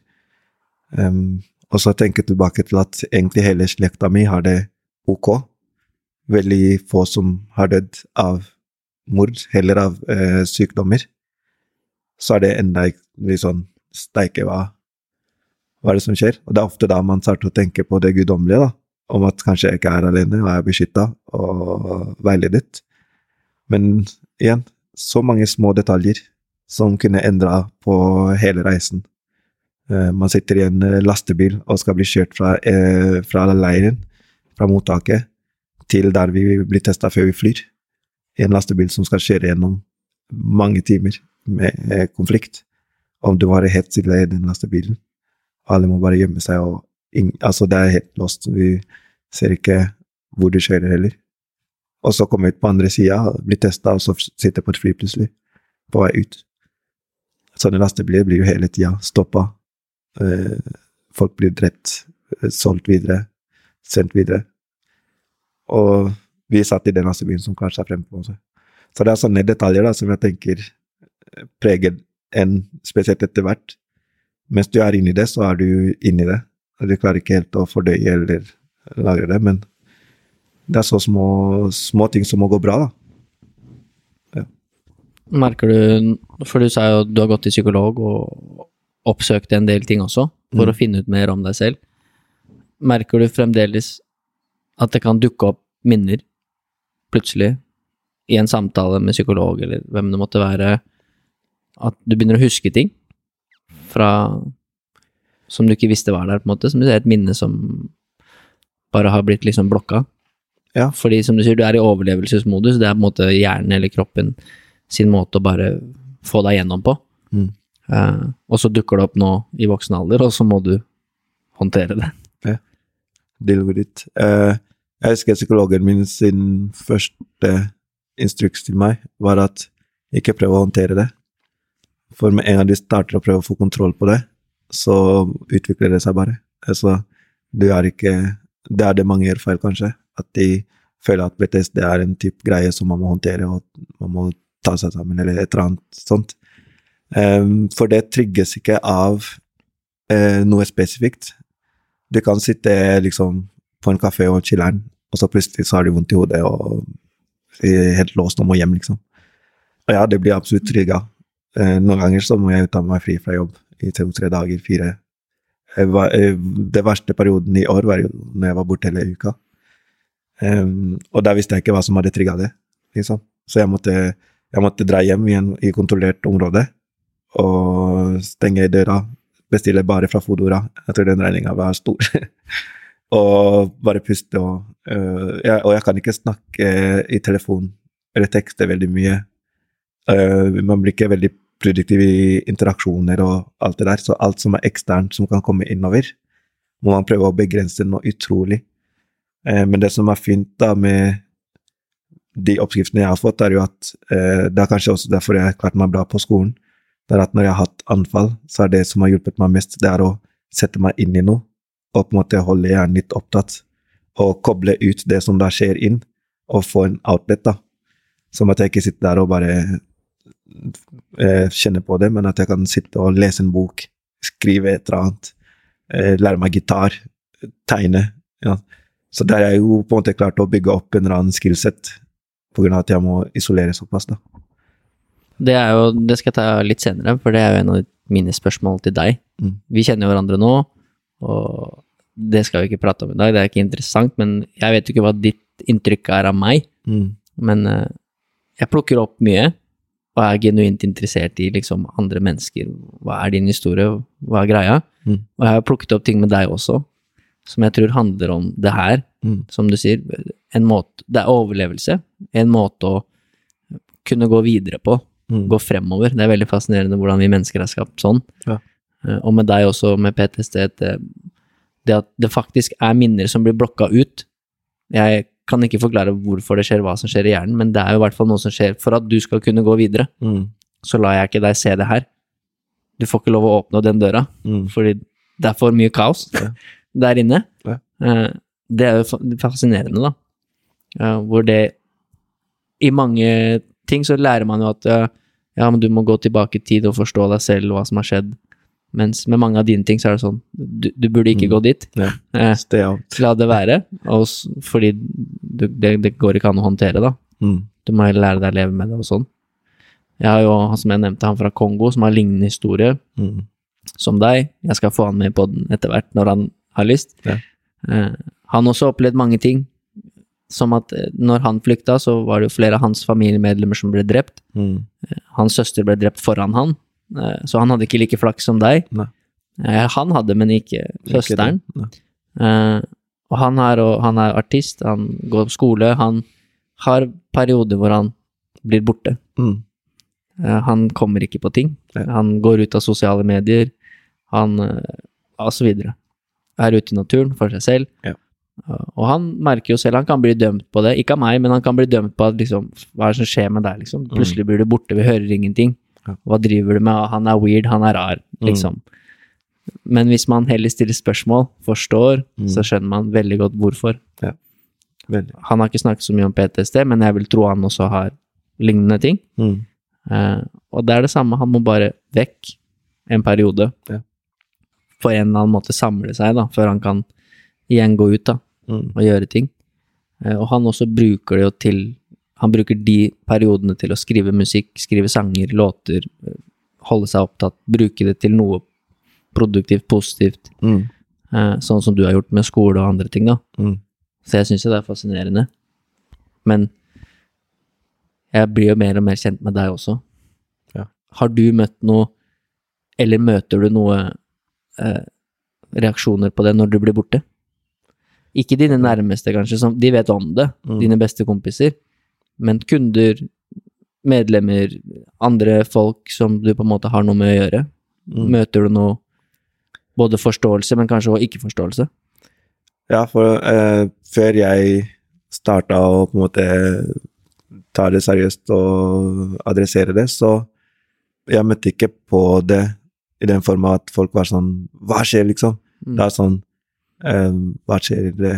Hvordan går det? Typ. Mm. Og jeg hadde ikke svar, ikke sant.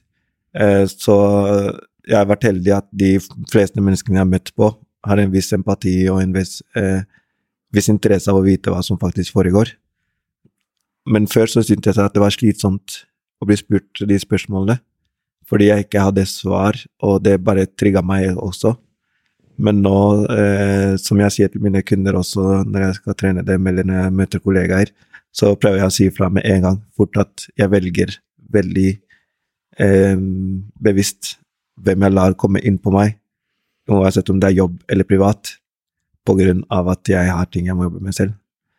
Så når jeg da forsvinner, så kan jeg bare sende ut melding fort, eller eh, si fra til én person som jeg vet at har tilgang til disse her, og så har jeg 100 fred.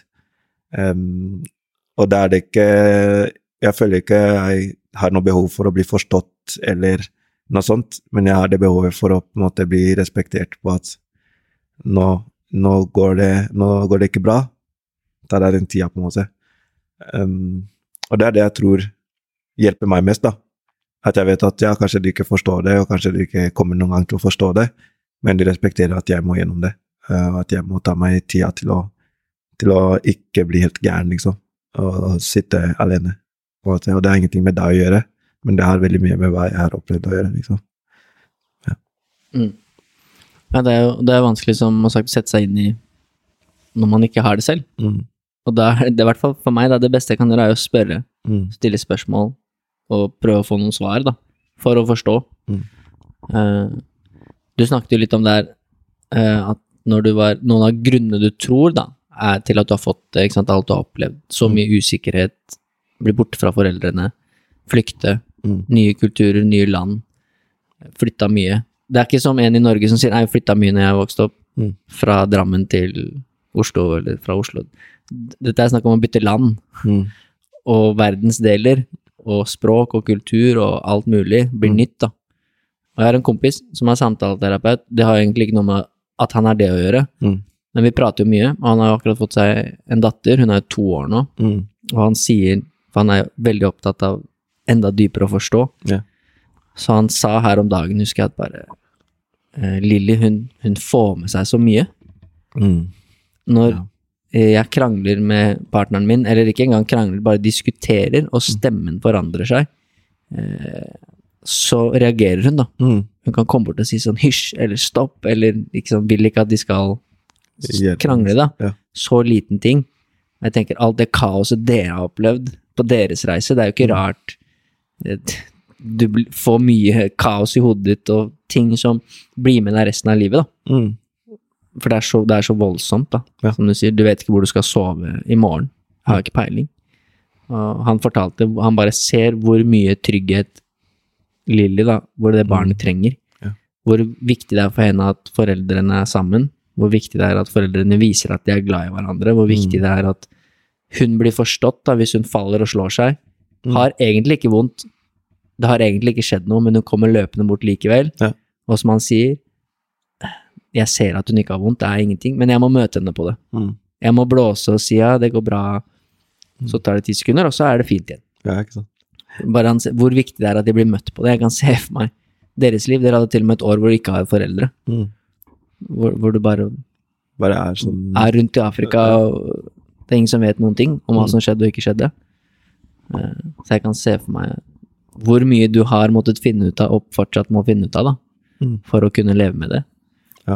Det er kanskje det som er eh, skumlest med, med oppveksten. Jeg tenker, eh, jeg husker jeg snakka med deg om det å ha reell eller eh, ikke reell fare, og at det aldri egentlig Det handler ikke om at det er realistisk eller ikke. ikke sant? Som Hvis dattera til samtaleterapeuten min faller og slår seg og gråter, så er det ikke fordi det gjør vondt, men det er, en, det er noe skummelt som har skjedd for henne og noe hun opplever som fysisk eh, smertefullt eller psykisk smertefullt. Og det er det å møte noen på det, og det å forstå eh, noen på det. Um, jeg tror jo mer jeg lærer om min barndom, om PTSD-en, om de fysiske og ikke-fysiske farene som jeg har opplevd, jo mer forstår jeg om folk sin opplevelse av ting. Og da er det også lettere å ikke forhåndsdømme noen og si at ja, men det er ikke tungt nok, og det er ikke farlig nok, og, og sånne ting. Og det er en sånn skummel greie som mange gjør, tror jeg. At man prøver å kategorisere fare, og kategorisere absolutt alt i livet. Men så er det så utrolig nyansert og så vanskelig, eh, og man må prøve å igjen møte hverandre på det, og få litt innsikt og litt forståelse. Eh, og det er kun da man egentlig kan avverge den faren, avverge alle eh, etterkonsekvenser. For hvis ikke, så eh, kan man liksom velge å si at ja, du har det farlig, så der, der gir vi litt mer hensyn til, og der, der kan vi faktisk gi litt mer oppmerksomhet for. Og så er det en som faktisk lider på sida, eh, og man bare totalt ignorerer det, for det er ikke farlig nok, og det er ikke, det er ikke reelt, på en måte. Eh, og det har jeg sett en god del av, både under oppveksten, men også med meg, og med andre rundt meg, til og med i voksenlivet, på arbeidsplasser og privat. Eh, og det er litt sånn skummelt, egentlig, syns jeg. For man vet ikke hva man Hvilken effekt det har på den personen før han starter å reagere. Egentlig. Ja, der har du alltid vært veldig flink, da, og som du er, med kolleger og alt. Du har tatt på deg mye ansvar. Vi skal snakke litt om det seinere. Du tar på deg mye ansvar, mye verv og sånne ting. Mm. eh, Hvor du er veldig flink til å vise forståelse. Og jeg har aldri hørt deg sammenligne liksom «Ah, Jeg har PTSD, jeg har det mye verre enn deg. Det greiene der er bare tull. Mm. Men du prøver heller å forstå at for deg så er det der ille. Mm. Og det skal ikke sammenlignes med det jeg har opplevd. Det er ikke sånn at jeg har det Siden jeg har hatt det liksom verre, da, som du Mm. sier, kategorisert som verre, så får ikke du lov å ha det sånn. Mm. Eh, det er som du sier, for han eller henne så oppleves det der nesten som livstruende. Ja.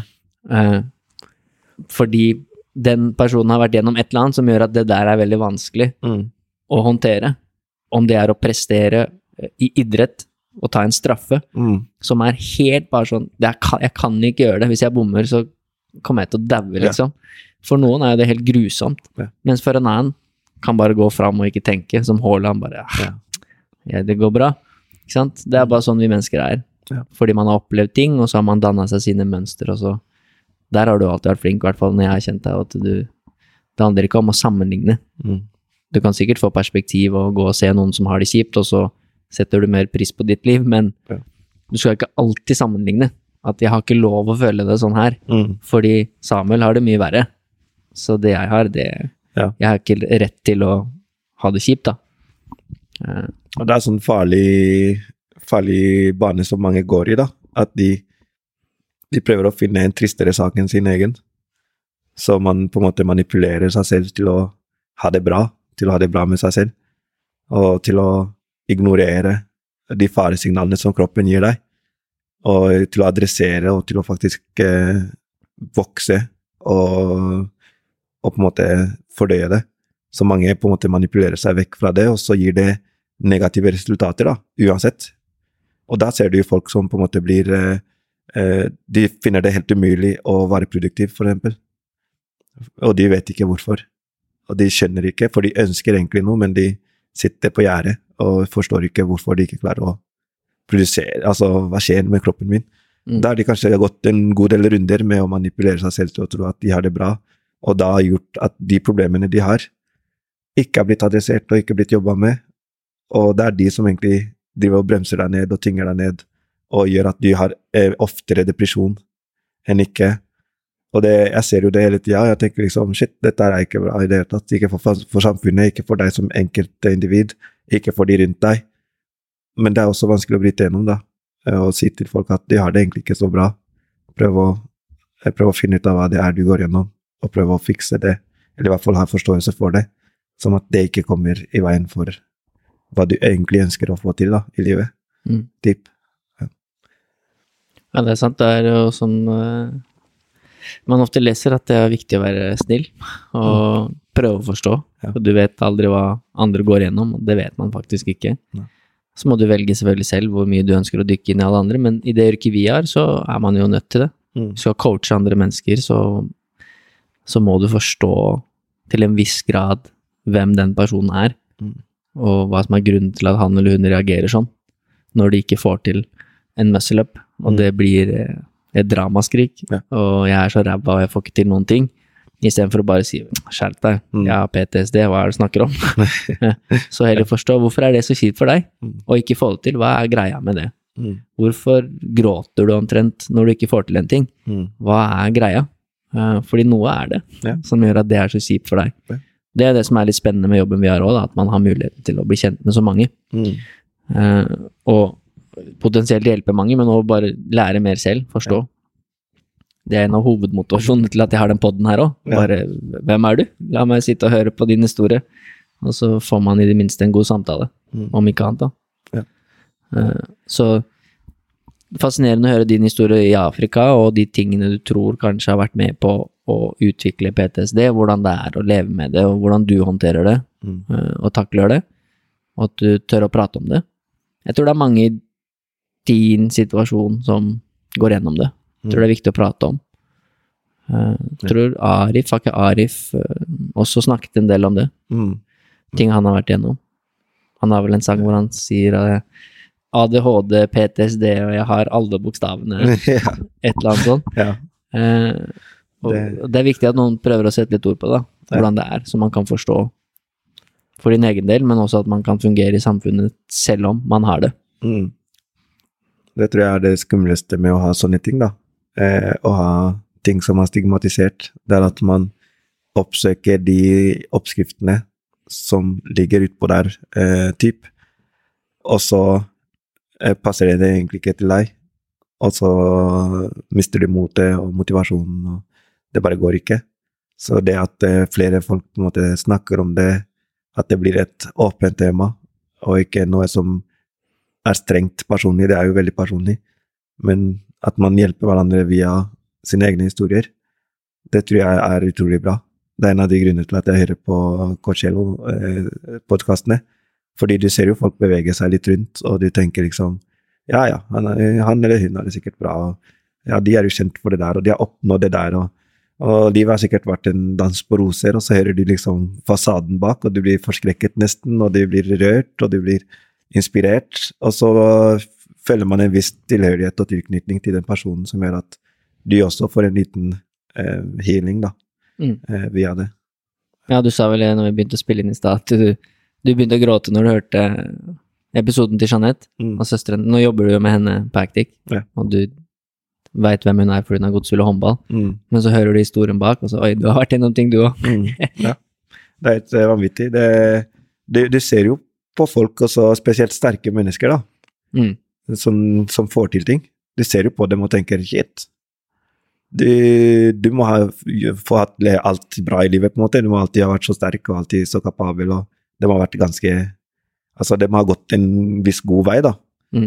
Eh, men det er ikke så hardt og tøft som folk har hatt det. Eh, og kanskje også en av grunnene til at de er så sterke også. Mm. Eh, fordi de har vært gjennom ordentlig motstand. Da. Det er utrolig, egentlig. Men har vi tatt for oss eh, det med Afrika, og man kunne sikkert prate om det, som du sa, lenge. Mm. Uh, Men så er det neste, da. Du kommer til Norge. Det er der du havner. Mm. Du- Det er kaldt. Det er langt her, ja, unna der du er vant til å være. Du kan ikke språket. Uh, Du skjønner ingenting, egentlig, av hva som skjer. Du kan ikke lese, du kan ikke skrive. Du vet egentlig ikke helt Hvor skal man begynne, da? Eller hvor begynner man? Mm. eh, for dere. Du begynner jo på skole. Ja. Prøver å få venner, prøver å lære språk, prøver å forstå. Prøver å skjønne at appelsinjuice, det er ikke som appelsinjuice i Afrika. Det er ikke oranges. Nei, det er annerledes. Ja. Hvordan er det liksom å Nå var du, som du sa, i gåstegn, heldig som lærte fort på skolen, da. Mm. Det er mange som ikke gjør det òg, og da kan jeg se for meg at det blir enda vanskeligere når du faktisk ikke skjønner Mm. noe som helst av lese, skrive, skole, kultur, mat, hvor du skal begynne Mm. for å få til et liv, da. Det er det som eh, er litt sånn fascinerende, da. For vi kommer jo ikke alene. Ikke sant?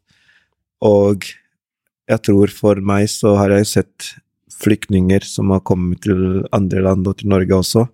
Når jeg ser hvordan de ender opp med å ikke være deltakende i samfunnet, så forstår jeg veldig lett hvordan man kan havne der, da. For det er jo som du sier, en ting er å kunne drikke appelsinjuice og nyte det, liksom. Men når det også er en utfordring, tenk deg alle de andre tinga.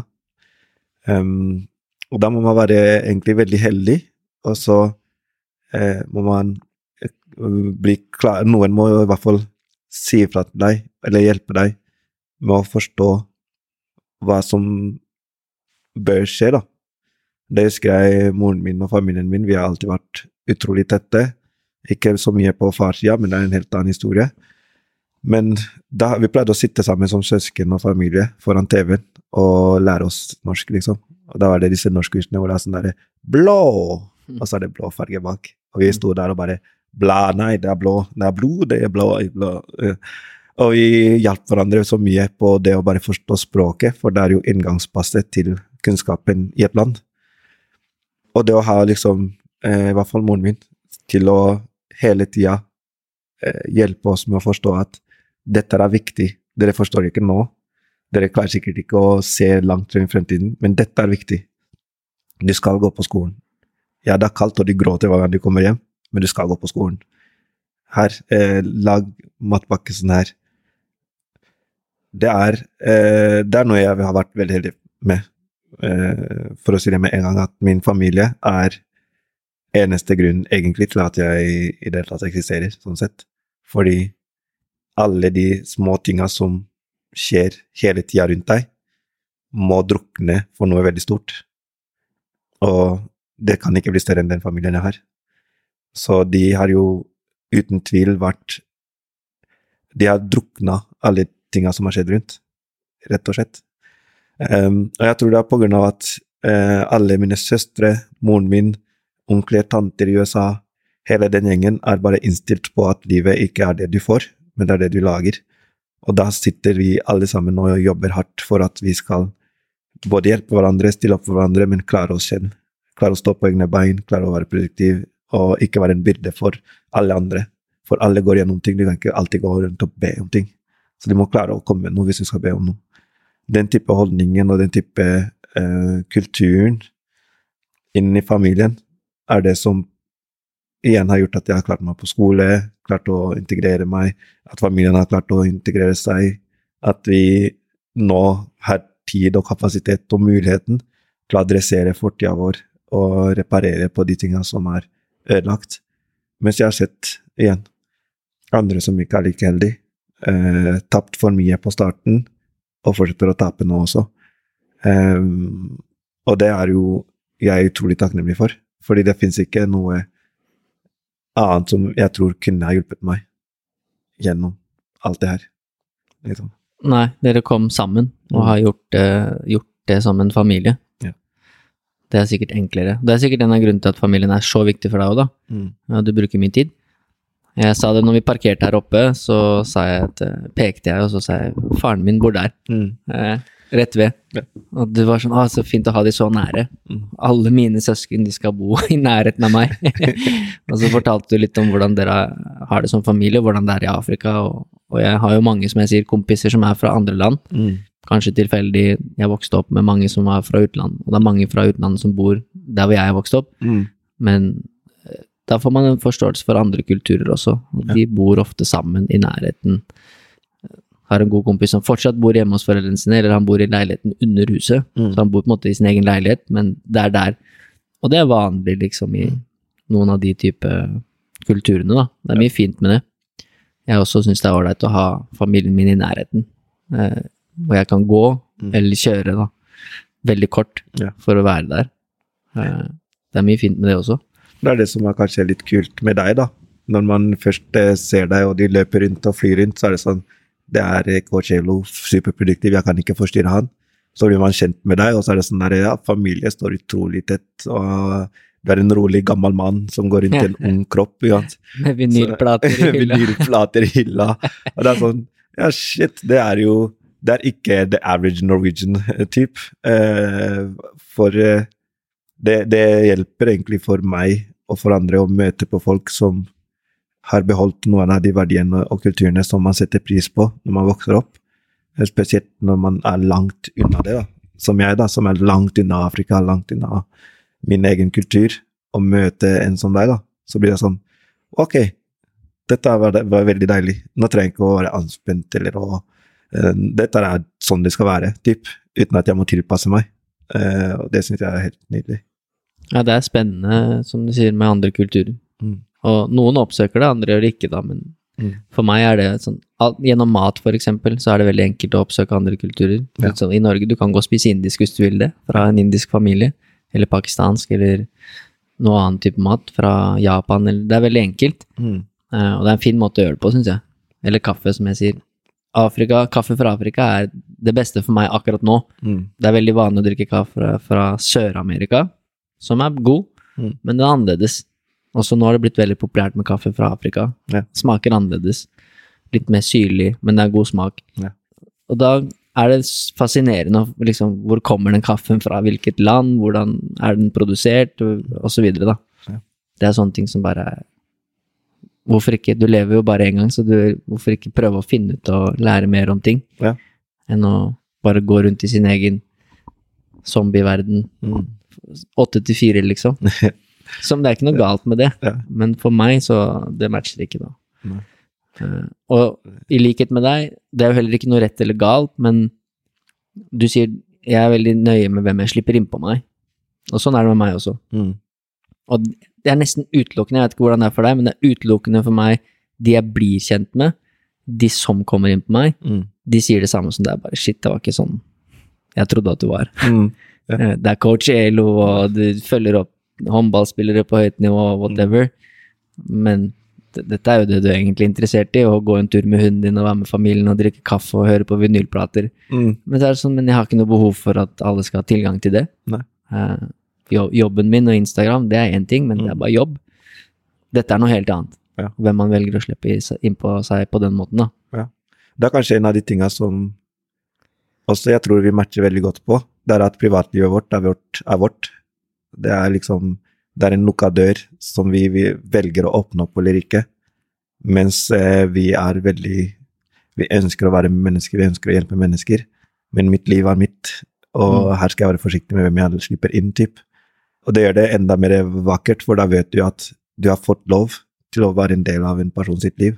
Jeg har alltid sagt at det er aldri en selvfølge å ha gode relasjoner. Det skal jobbes for, og det skal fortjenes.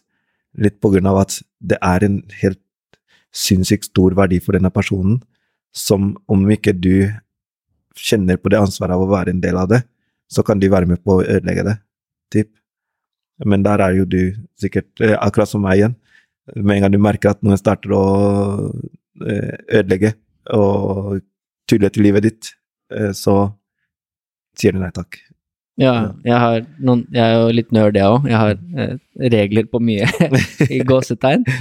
En av de sånn eh, Hvis du kategoriserer mennesker på tre måter Mm.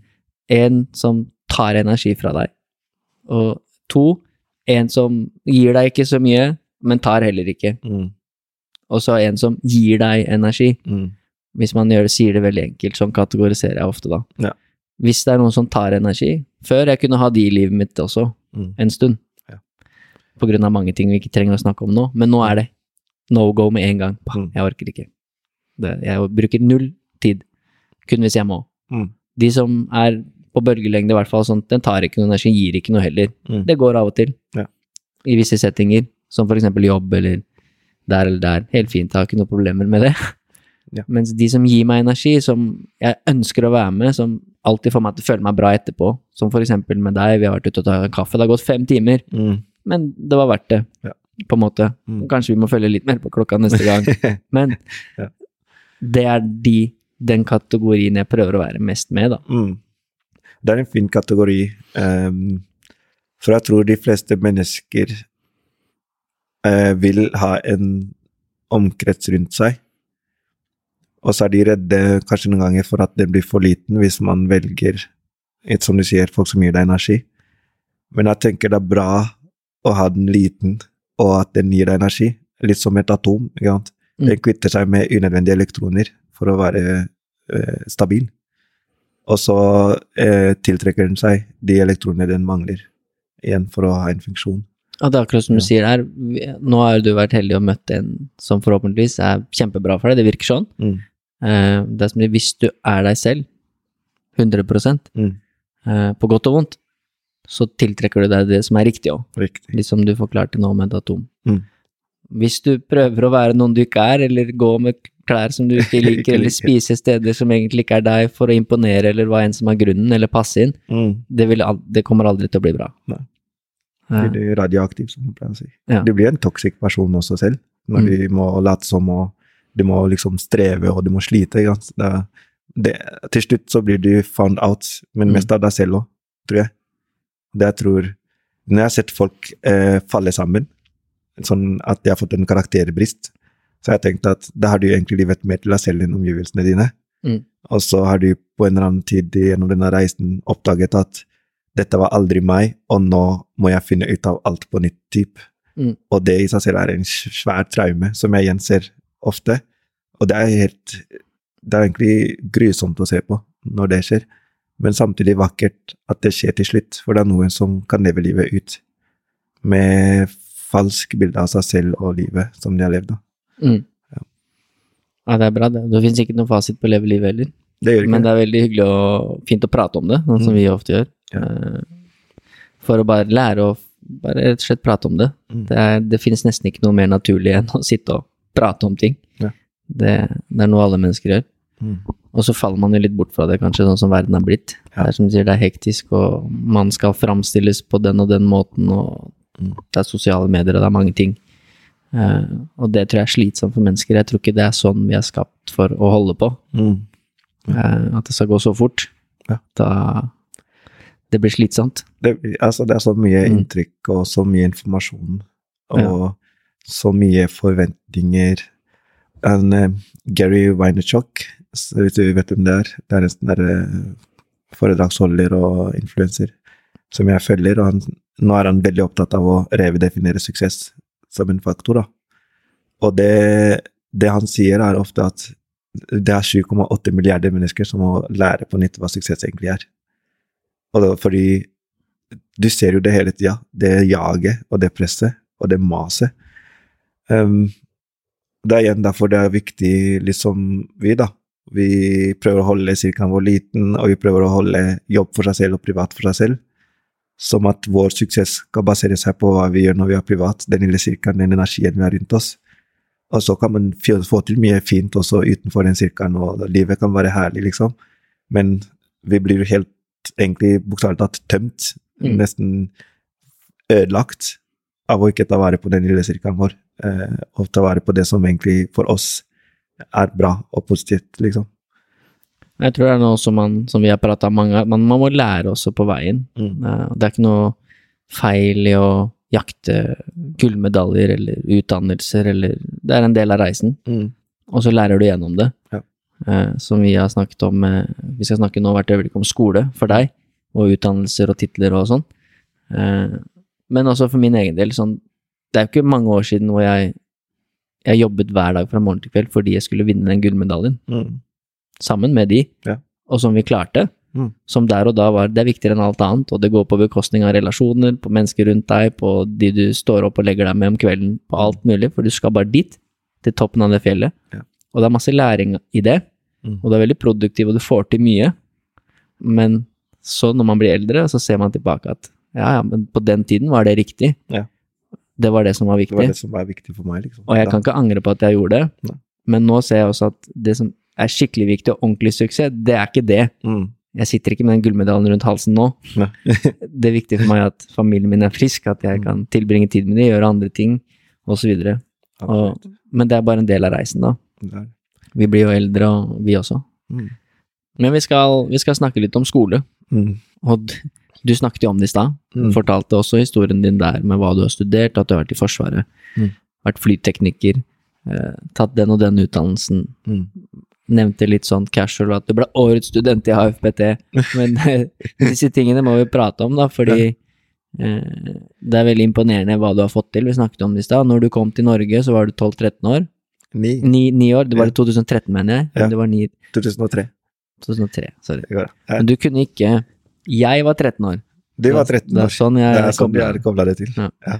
Men du kunne ikke lese. Nei. Du kunne ikke skrive. Og i hvert fall ikke norsk. Så, og så har du så, så har du likevel fått til alt du har fått til med skolen. Mm. Eh, ti år senere så er du flytekniker. Mm.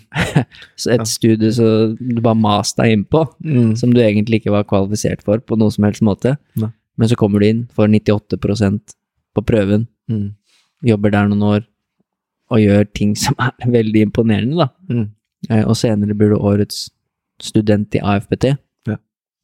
Betyr ikke det, etter hva ryktene sier, at du kan ta alle studier de har gratis? Jo, får all evighet, holder jeg på å si. Så Ja. det er litt kult. Resten av livet kan du ta alle kurs som AFPT tilbyr, Mm. gratis. Ja. Og det er det ikke mange som opplever. Det er eh, som å vinne Lotto, bokstavelig talt. Altså. Ja. Det er så stor verdi. Eh, men vi må jo snakke litt om det her, altså hva, før jeg stiller deg noen litt uh, andre spørsmål rundt det. Hva Du må si noe om det. Mm. Det å gå fra ikke kunne lese og skrive til å få til det der. Mm. Det, det, det er egentlig en sånn rar reise som Når jeg ble voksen, så starta jeg å reflektere over hva, hva, hva har gjort at jeg ble så glad i bøker og i lesing og sånt. Um, og som jeg har etter hvert oppdaga, at uh, pga. PTSD-en min, så har jeg en, en sånn konsentrasjonsevne uh, på noe. Uh, og søstera mi pleier å kødde veldig mye om at jeg tror du har en annen symptom også. Uh, og jeg er litt sånn Hva? Jeg, bare, jeg tror du er litt autistisk også.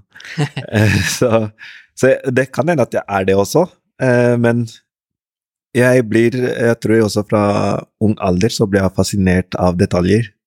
Eh, og jeg blir fortsatt fascinert av detaljer. Uh, ting, små ting som ingen andre bryr seg om. Ord. Uh, veldig mange sier at jeg er sånn rar pappahumor. Men det er tråder hele tida som trekkes i hodet mitt, som jeg ikke kontrollerer hele tida. Så når jeg starta å lese og skrive og lære meg det, så tror jeg hodet mitt endelig fant et sted hvor den hadde fred, da. Eh, igjen, etter alt som har skjedd, så måtte outleten være noe produktiv eller noe eh, destruktivt. Eh, og jeg er egentlig veldig glad for at det ble det første. Eh, så litt som for å få litt terapi og litt for å få litt outlet, så satt jeg veldig ofte og leste i bøker. Veldig ofte så skjønte jeg ikke hva jeg leste, så det, det er for eksempel en astronomibok som jeg fikk som gave når vi kom til Norge, som jeg leste seks-sju ganger før jeg starta å forstå uh, de ordene som sto. At uh, det var liksom om planeter og sånne ting. Jeg bare syntes det var dritfette bilder og sånt, og jeg ble helt opphengt i det og lærte meg så mye om verdensrommet at jeg nå per dags dato er en stor fan av Neil deGrasse for eksempel. Som da har vært en inspirator for meg for å lese mer og vite mer og utforske mer. Og eh, det, det, har aldri handla for meg om utdannelsen, om tittelen, om fagene, om bøkene. Det handla om den der nysgjerrigheten, den der utforskende delen. Hva, hva, er det, hva, er dette for noe? Hva mer kan jeg få vite om det? Typ. Og det husker jeg også på ungdomsskolen i 10. klasse. Så leste vi i en bok, og så sier læreren min ja, og så ble de funnet i container. Et eller annet om en container og sånt. Og så leser han videre, og så stopper jeg opp hele klassen og er sånn Lærer, og de bare ja, hva er det samme? Det er bare, hva er en container? Og alle dauer av latter, liksom. Og de bare Det er den tingen på bildet der. ikke sant? Ja. Eh, så sånne detaljer eh, kunne jeg spørre om hele tida. Og jeg har aldri vært redd for å spørre om ting. Det tror jeg jeg er heldig med. For da har jeg jo fått svar når jeg har lurt på noe. så det minste, hvis du ikke husker noe, spør. Eh, da får du svar. Um, og når vi tok det kurset i, eh, i Luftforsvaret på Skjevik, så handla det veldig mye for meg om at det er noe, noe helt nytt, men jeg elsker teknologi. Jeg elsker menneskets løsning på ting. Så det eneste jeg gjorde, var å sitte og suge det inn, liksom. Jeg bare Dette er dritfett. Og jeg husker eh, mens de andre satt og gama i gangene fordi de kunne dette fra før, så satt jeg og så på videoer fra, på YouTube av en flytekniker i USA som liksom This crew is for this. typ. Og jeg var sånn Wow, shit, tenk at en skrue kan gjøre så mye og ha så stor funksjon, liksom. Og det gjorde jo at jeg kunne Det gjør jo at jeg trives, egentlig, når jeg leser på ting. Og så husker jeg på FPT så handler det veldig mye mer om at jeg forsto frustrasjonen av å ikke ha tilgang til informasjon.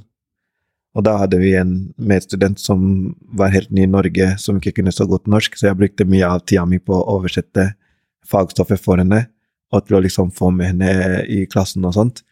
Det lærte jo meg mye, fordi da måtte jeg høre etter, og så måtte det gjennom hodet, jeg måtte faktisk prosessere det, bytte det over til engelsk og prøve å forklare det på andre sida. Som også gjorde at eh, det faglige på en måte satte seg mye bedre eh, da. Og jeg tenkte ikke så mye på det, for det var liksom De sitter ved siden av meg, la oss bare komme oss gjennom det. Og det likte jo lærerne, og det likte jo medstudentene, og så um, gikk jo det bra faglig, sånn sett. Men det, eh, det de kåra meg på som årets AFPT-student, var jo fordi jeg uh, i det hele tatt gadd å gjøre noe som AFPT skulle ha fiksa mente de, da. Men som jeg sa, at hvis ikke noen hadde gjort det for meg, så, så hadde jeg ikke vært med i AFPT engang, liksom. Og hvis ikke noen hadde sagt at hei, her sliter Samuel litt, la oss, la oss prøve å hjelpe han litt. Og nå stiller han det spørsmålet, la oss forklare han det ordentlig. La oss ikke bare 'dette burde du vite'. Mm. Det er bare sånn her. Ja. Folk har faktisk satt seg ned med meg når jeg har lurt på hva en container er, og forklart meg ordentlig hva en container er. At det kan komme i forskjellige størrelser, det kan brukes til forskjellige formål. At det kan være på en båt, og det kan være på baksiden av en lastebil. Detaljer.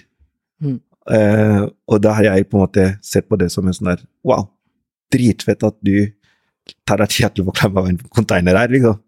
Mm. Så da kan jeg også ta meg tid til å forklare deg hva en uh, eksentrisk fase i en knebøy er. Og jeg skal forklare deg det til du til det sitter, liksom. Mm. Uh, typ. Um, og det er den nysgjerrigheten, da, som har hjulpet meg med det. Ja. Du har definitivt brukt nysgjerrigheten din til noe positivt. Mm. Og ikke minst, som du sier, det med PTSD-en din og sånn. Tilbake til det at uh, det føles bra for hodet ditt å lese, mm. og prøve å sette deg inn i noe annet, fordi da slipper du å tenke eller oppsøke de tingene som er fra tidligere. Mm. Så du bruker det til noe positivt, da. Litt som jeg sa med han kompisen min, som han bruker disse periodene ofte til å skrive musikk. Mm. Lage kunst, da. Ja. Og til noe produktivt, noe positivt, da. Mm. Og også litt for å slippe unna. Så, også, det var et av mine spørsmål da, som eh, jeg har fått svar på før nå, men som er fint å stille her i den settinga. Mm. Det er at når jeg ble kjent med deg, så la jeg veldig fort merke til at Samuel er dyktig. Han har veldig mye kunder. Jeg ser at han er flink med relasjoner, han er populær. Jeg skjønner hvorfor. Mm. Jeg har jobbet som PT i 13 år, så jeg kan raskt se hva som er grunnen. Mm. Og han er faglig dyktig og alt det der, men det er det mange som kan være. Mm. Det medmenneskelige er vanskeligere å Mm. lære. Og han har veldig mye ansvar. Han studerer ved siden av. Sorus. Sorush har akkurat fortalt meg at han Samuel, han må du prate med, han har en fascinerende historie. Mm. Han eh, ble årets eh, student, bla, bla, bla. Mm. Sorush er en god kompis av meg, som du har møtt gjennom AFPT. Mm. Eh, han takka nei når jeg tilbød han jobb. Han ville heller være med møkkasteder Actic, eh, fordi han er lojal, og det står Mm. stor respekt av det og sånn. Mm. Eh, og så la jeg merke til du tar veldig mye ansvar. PT-ansvar, lederansvar, ansvar for resepsjonen, lære folk, og for meg var det sånn Hva er grunnen til at du gjør det? Mm. Og noe naturlig er bare sånn, nei, det er bare sånn han er, og sånn. Men noe slo meg på grunn av jeg har kompiser fra den delen av verden, Mm. at dette er også for å eh, ikke oppsøke noe annet, Ja. var min tanke da. Mm. Det er òg andre grunner til at han holder seg så opptatt. Eh, en dag så skal jeg sette meg ned med han prate om det, Mm. eh, men det var mitt inntrykk, da. Ja. Og så har vi hatt mange samtaler, og jeg har stilt deg spørsmål, fordi da, som du sier, da får man svar. Ja. Og da fortalte du meg etter hvert mer og mer, og etter hvert om at ja, du, jeg har PTSD, Mm. jeg, jeg har vært flyktning, jeg har vært sånn, dette er sånn. Mm. Og da det gir det mening. Ok, så det her er en av grunnene til at du tar så mye ansvar. Mm. Tror jeg, da. Ja. For å holde deg opptatt på en eller annen måte. Mm. Uh, og det er fint, da. Ja. Så Det er, det er veldig interessant eh, observasjon, og, uh, og jeg tror det å ta ansvar eh, rundt meg, eh, det er på en måte å flykte og bli Igjen, vi snakker om det å være destruktiv eller være produktiv. For det var spørsmålet, da. Mm. Hva er grunnen til at du tar så mye ansvar? Mm. Det er eh, rett og slett fordi eh, jeg har egentlig alltid eh, bare to valg når det kommer til handlingsmønsteret mitt. Eh, det kan lett bli destruktivt hvis jeg ikke er bevisst på det. Eh, på grunn av at eh, jeg har en lidelse, og den er ganske sterk. Men de minnene og de tinga som jeg har i kroppen, er ting man ser i media og i TV og overalt, som resulterer til helt forferdelige resultater på grunn av at man ikke har tatt bevisste standpunkter og bevisste valg og bevege seg på bevisste måter. Um, og jeg tror for meg, når jeg uh, ser en annen person slite, eller at jeg ser en oppgave som er ugjort, eller at jeg ser en ting som står der som jeg er urørt, på en måte, så kan jeg velge å ignorere det. Men det har jo kroppen min gjort i hele oppveksten min. Den har valgt å ignorere alt det vonde, alt det som kunne ordnes. Så for meg så blir det en sånn derre Det kan bli, bli en trigger. Så istedenfor så på en måte reparerer jeg det, fikser det, stiller opp på det, som at det er unnagjort. Som at det er sånn der Ok, nå har jeg fred med det. Nå har jeg gjort min del. Det er under kontroll, på en måte. Um, det, det kommer også med at jeg vet at mange mennesker naturligvis ikke oppsøker løsninger. De velger å flykte. Kanskje de har ekstra kapasitet til det. Kanskje de har ekstra muligheten og evne til å slippe å gjøre ting. Men eh, per dags dato så har ikke jeg luksusen til å slippe unna og sånne ting. For det er jo også det som på en måte kan være en triggende faktor for meg. Eh, så det handler mye om å bare skape fred rundt meg.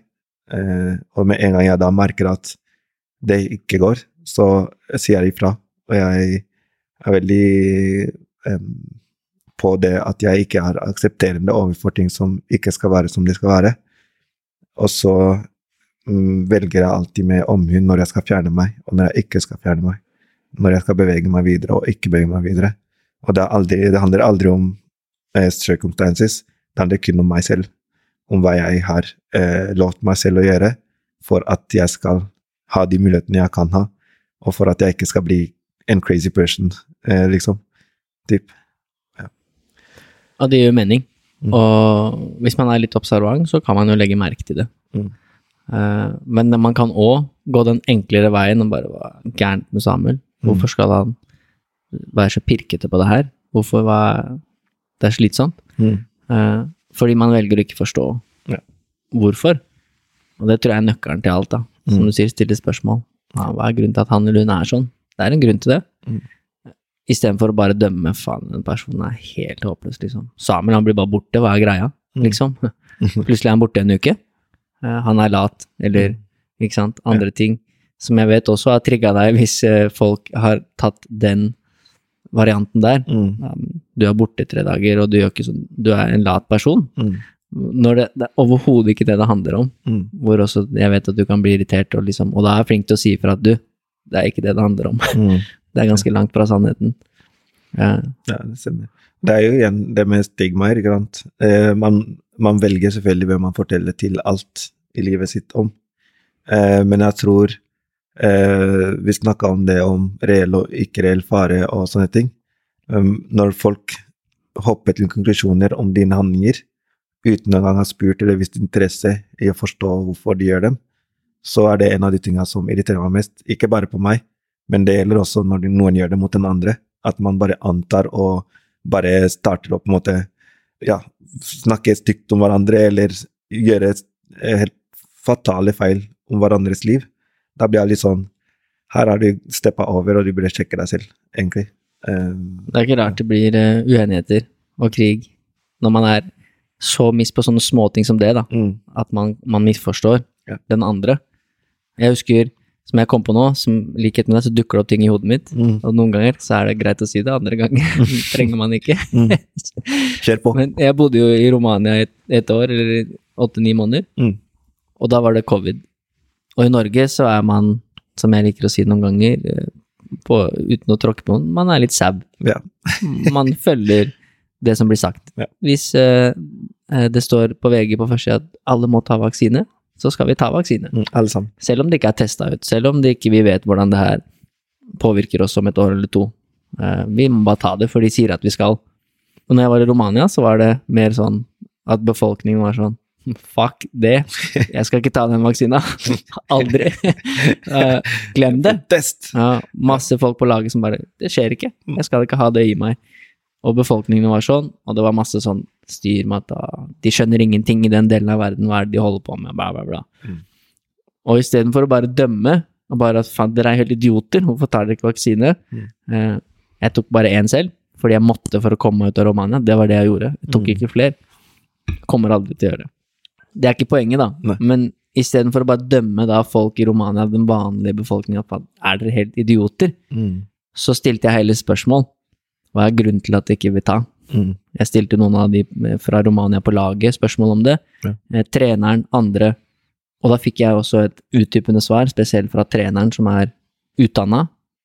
Ser veldig mot Vesten i en del ting, Ja. eh, men skjønner også Han er fra Bucuresti, han skjønner også det. Han sier du, disse menneskene, de har opplevd det her. På 80- og 90-tallet så var det diktatur her. mm. Vi hadde en som het Sjefsjeski, han slakta mennesker. Ja.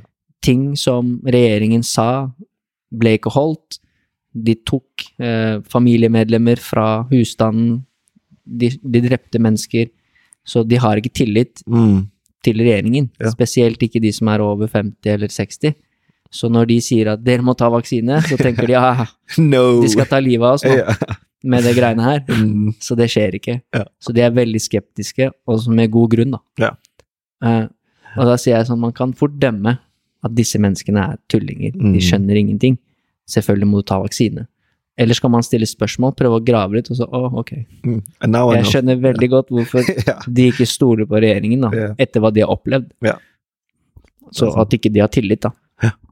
Så man, ja, man kommer langt med, tror jeg, det å være nysgjerrig, som du sier. Mm. Hvorfor er du som du er? Jeg tror sånn som du sier, ikke sant, når man først hører grunnen til handlingen, så gir det litt mer mening enn å bare se på handlingen i seg selv.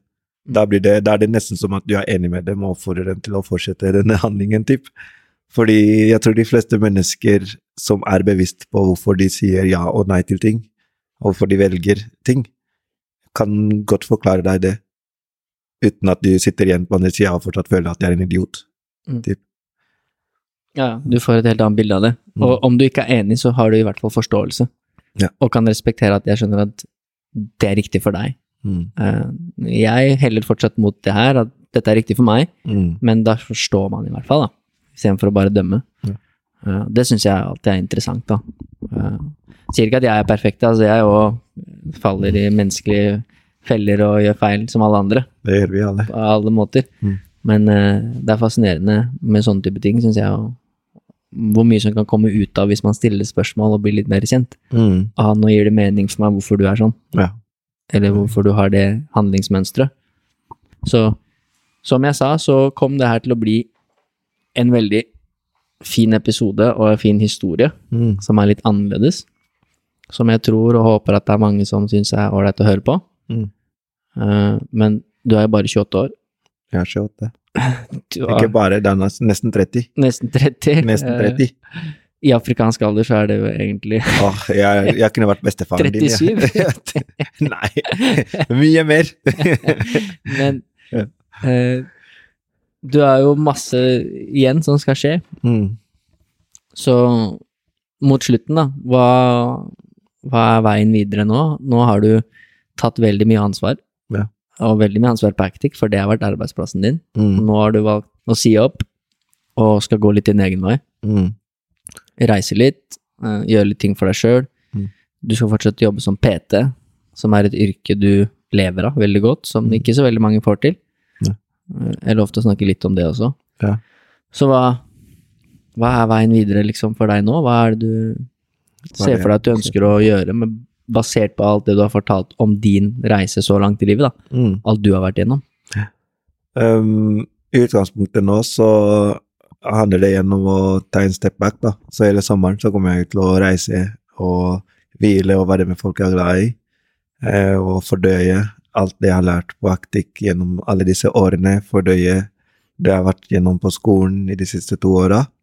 Um, og så kommer høsten, og da kommer jeg til å ha litt mer fokus på eh, foredragsholding, være med bedrifter, bedriftstrening og noen personlige treningstimer men også sitte meg fint inn igjen i skolebenken og fortsette å lese, for det er også siste året.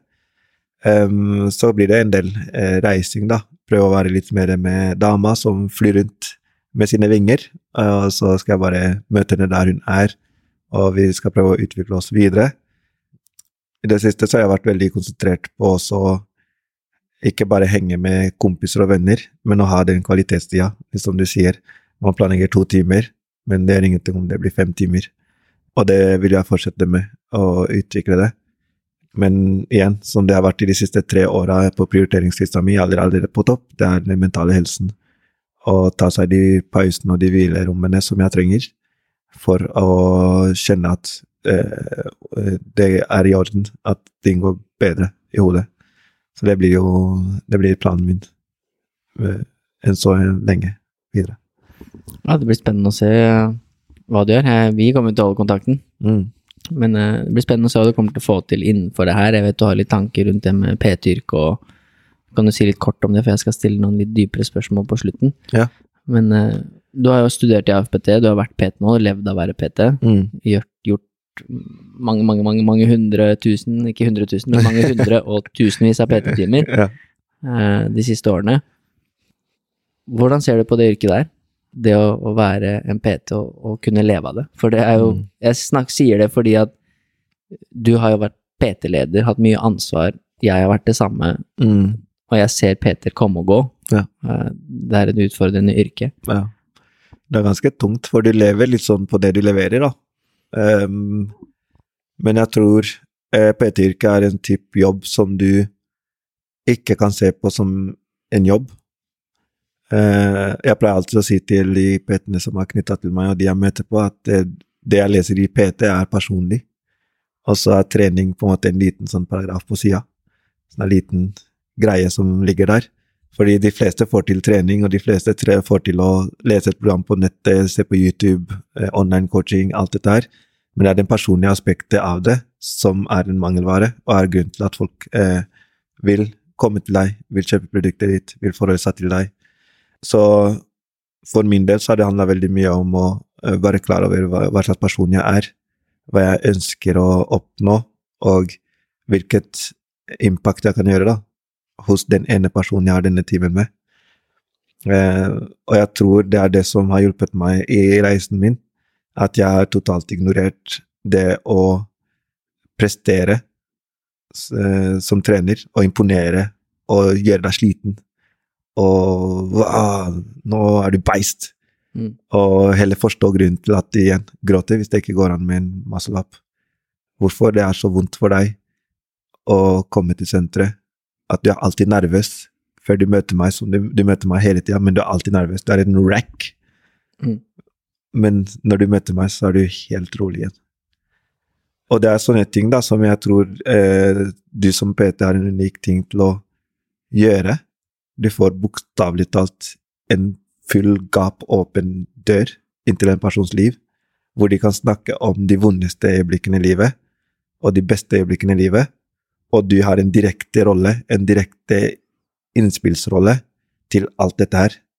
Ved å, ja, først og fremst eh, forbedre den fysiske helsen, for den henger veldig mye med det mentale, men ved også bare være en person, et menneske, et medmenneske. Vise litt forståelse og empati. Og det har jo vært det som jeg har oppløst som PT, da, var nøkkelen. Det var å eh, si til folk at trening er ikke så farlig, det er ikke så komplisert som du tror. Det, det du ser, er toppidrettsutøvere. De må ha veldig spesifikke ting. Selv det også er ikke veldig komplisert, det er bare spesifikt. Eh, mens det å anerkjenne en person og deres reise og deres ønsker og deres motivasjon, alt dette her, er jo det som er personlig. Ja. Og det er utrolig gøy, og en ære, egentlig. Og det er noe ting som da igjen gjør at jeg vil fortsette da, å gjøre. Eh, For det er veldig få andre yrker hvor du har muligheten til det. Med mindre du tar en mastergrad eller doktorgrad. Typ. Ja, du har, det finnes uendelige muligheter. Mm. Men det var kult å høre ditt syn på det å være PT, og hva som er det viktigste, fordi du er en av de som har lykkes. Mm. En av de som har blitt årets student i AFPT, og det er liksom Det er grunner til det. Mm. Fint å få ut noen av de verktøyene òg. Så et av tipsene vil jo da være, i hvert fall basert på det du sa nå, til de som ønsker å være PT-er, at du først og fremst vite hvem du selv er, Mm. og hva som er grunnen til at du gjør det her. Mm. Og så det menneskelige, personlige aspektet av det, Mm. og ikke bare hvor mange reps i knebøy bør jeg ta for å bli sterkere, Mm. for det finner du mest sannsynlig ut. Veldig fort. Ja. Ja. Det var en fin eh, måte du sa at uh, toppidrettsutøvere som jeg jobber mye med, at Mm.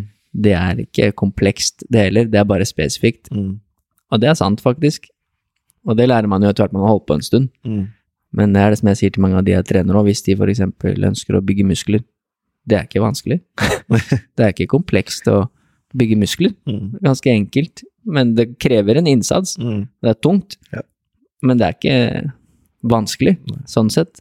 Du må ikke bli rakettforsker. Nei. Men eh, sånn som du opplever selv, du må jo være som PT, da, flink til å eh, se hva som skal til. Mm. For det er veldig simpelt eh, i gåsetegn, men jeg tror mange bommer på, på det fordi de prøver å gjøre det så avansert og komplekst, og folk klarer ikke å forholde seg til det, og det er lett å falle av hvis ikke du holder i den tauen veldig hard, hardt. Mm. At du, du er den som liksom styrer skuta ordentlig hardt Mm. så tror jeg folk faller av med en gang det blir for komplisert og for vanskelig å forholde seg til. Du skal jo som en trener være flink til å være den som tenker alle disse små detaljene, men den som utøver, den som utfører, skal bare uh, dette flyter, dette er godt, dette funker. Mm. Og, det, og det er enkelt, jeg kan fordøye dette her, og jeg kan lære fra dette her, på en måte.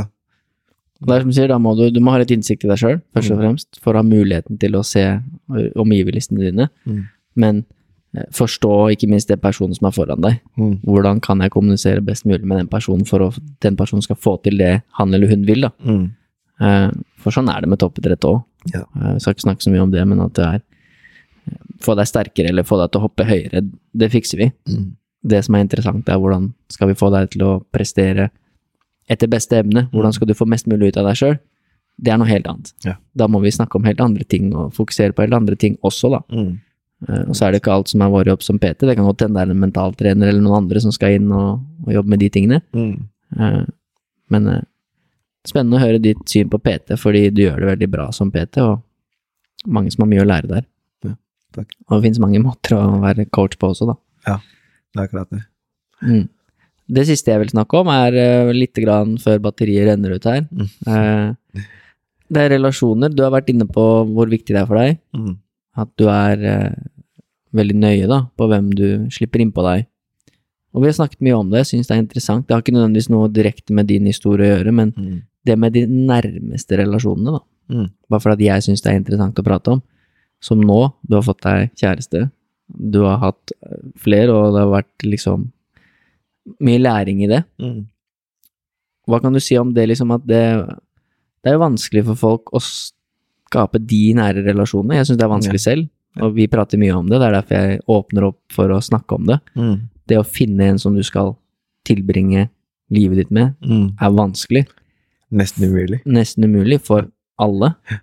Og jeg er veldig fascinert over de som klarer det. Hva er grunnen til at dere klarer det her? Mm. Dere har jo masse spesielt sammen, at dere reiser mye sammen, dere opplever mye sånne nye ting, det er spennende og så videre. Mm. Møtes på en del ting, men jeg vet ikke helt hvor jeg skal starte, hvilket det er ikke et spørsmål nødvendigvis som skal åpne den samtalen, men Ja. vi har prata så mye om det, jeg syns det er interessant, Mm. og det gjelder alle. Ja. Alle syns det her er utfordrende. Ja. Alle jeg kjenner, i hvert fall. Ja. Det er det som er så kjekt når vi snakker om det, fordi vi, vi snakker ikke om det som om vi har løsningen. Nei, som om vi vet måte. hva oppskriften er. Eh, og det er eh, Jeg tror det er en av nøklene til at eh, man kan bygge sunne og gode relasjoner. Det er at man ikke først og fremst starter å komme med løsninger, men at man starter å komme med spørsmålene. på en måte. Um, jeg pleier alltid å tenke på de relasjonene jeg har fra før av, som på en måte har vært livet mitt ut. eh, mest eh, med familien? Eh, hvor de har vist meg gjennom tykt og tynn, krig og ikke krig, at eh, her skal vi stå fast. Eh, Vi kan krangle og vi kan skrike og vi kan hoie og heie, men vi er familie, vi skal møtes, vi skal ha det sånn her. Det er reglene våre for resten av vårt liv. Forever. Og jeg ser det også med bestefaren min, mor, eh, faren til moren min. Han er akkurat like streng som mamma på dette her. Han er beinhard på de familiære relasjonene. Og jeg har blitt sånn med mine venner, mine beste kompiser, de jeg slipper helt inntil. Jeg er brutalt ærlig med dem. Eh, og det er fordi de vet at it's right or die nå, liksom. Når det kom til kjærlighetslivet, da, som det er eh, det mest eh, komplekse, for nå skal de finne noen utenfor deg som skal velge deg resten av ditt liv, og eh, dere skal ofre for hverandre resten av deres liv. Eh, så har jeg jo opplevd det å være superforelska som teenager, og livet er bare herlig, og det er eh, dans på roser. Og så får hjertet sitt knust så hardt at de nesten kveles av tårer. At det er sånn Eh, og så har jeg vært i det som eh, kan sies å være en sånn mature eh, type. Du tenker at nå har jeg alt på plass, jeg vet hva jeg vil, hva jeg skal gjøre, og jeg skal gifte meg med deg, og vi skal flytte sammen, og alt dette her. Og så er ikke det godt. Ja. Det er sånn holy shit, hva skal til da? Og så er det den derre I don't give a fuck-forholdet. Sånn que sera, sera. Vi skal finne ut av det sammen. Let's try to ride this out. Så har ikke det heller funka. Så jeg husker eh, når jeg møtte hun jeg er sammen med nå, så var jeg veldig sånn herre Jeg vil egentlig ikke et forhold. Jeg, jeg er lei av det. Jeg er sliten. Jeg orker ikke. Uh, og hun var sånn Ja, ok. så vi skal bare være venner. Vi skal prate. Vi skal bli kjent. Og jeg var sånn jeg, jeg, jeg sa det til henne så ofte. Jeg tror hun har blitt lei av at jeg ikke klarte å legge det fra meg. Og så var det jeg som endte opp med å bare Ja, skal vi kanskje bli sammen, eller hva skjer? så, og da sa hun liksom Jeg visste jo at det skulle skje, eh, for det var så mye som stemte. Um, men jeg visste at du var redd, og du var knust fra det som har skjedd med deg tidligere. Um, og det som vi snakka om uh, før uh, når vi kom her, da, det er det at i mange tilfeller så prøver vi å ha litt sånn forventninger, og vi prøver å ha uh, en fasit, vi prøver å ha svar. Og så ender man opp med å være skuffa, og man må planlegge på nytt, og man må prøve på nytt, og så blir man lei av det, og energien din tappes, og det er så mye greier, liksom, når man skal i et forhold med et annet menneske. Men så, med henne her, så føles det når jeg har samtale med henne, så er det sånn henne, du, når jeg snakker med deg, så er det som jeg snakker med Moa, med min beste kompis. Det er null filter. Det er bare en samtale, og vi har null forventninger til hverandre whatsoever både kunnskapsmessig, emosjonelt og noe. Det gjør at alt som kanskje skjer, og det bygger oss opp sammen. Og de tinga jeg ikke tenker på som jeg trenger, klarer du på en eller annen måte å lese eller forstå, eller på en eller annen måte så plukker du det opp, og så får jeg det, og så tenker jeg wow, dette var helt sykt. Og motsatt henne, at hun føler at dette er det mest naturlige jeg kan føle meg. Det føles bare helt fantastisk å bli sett på denne måten og hørt på denne måten.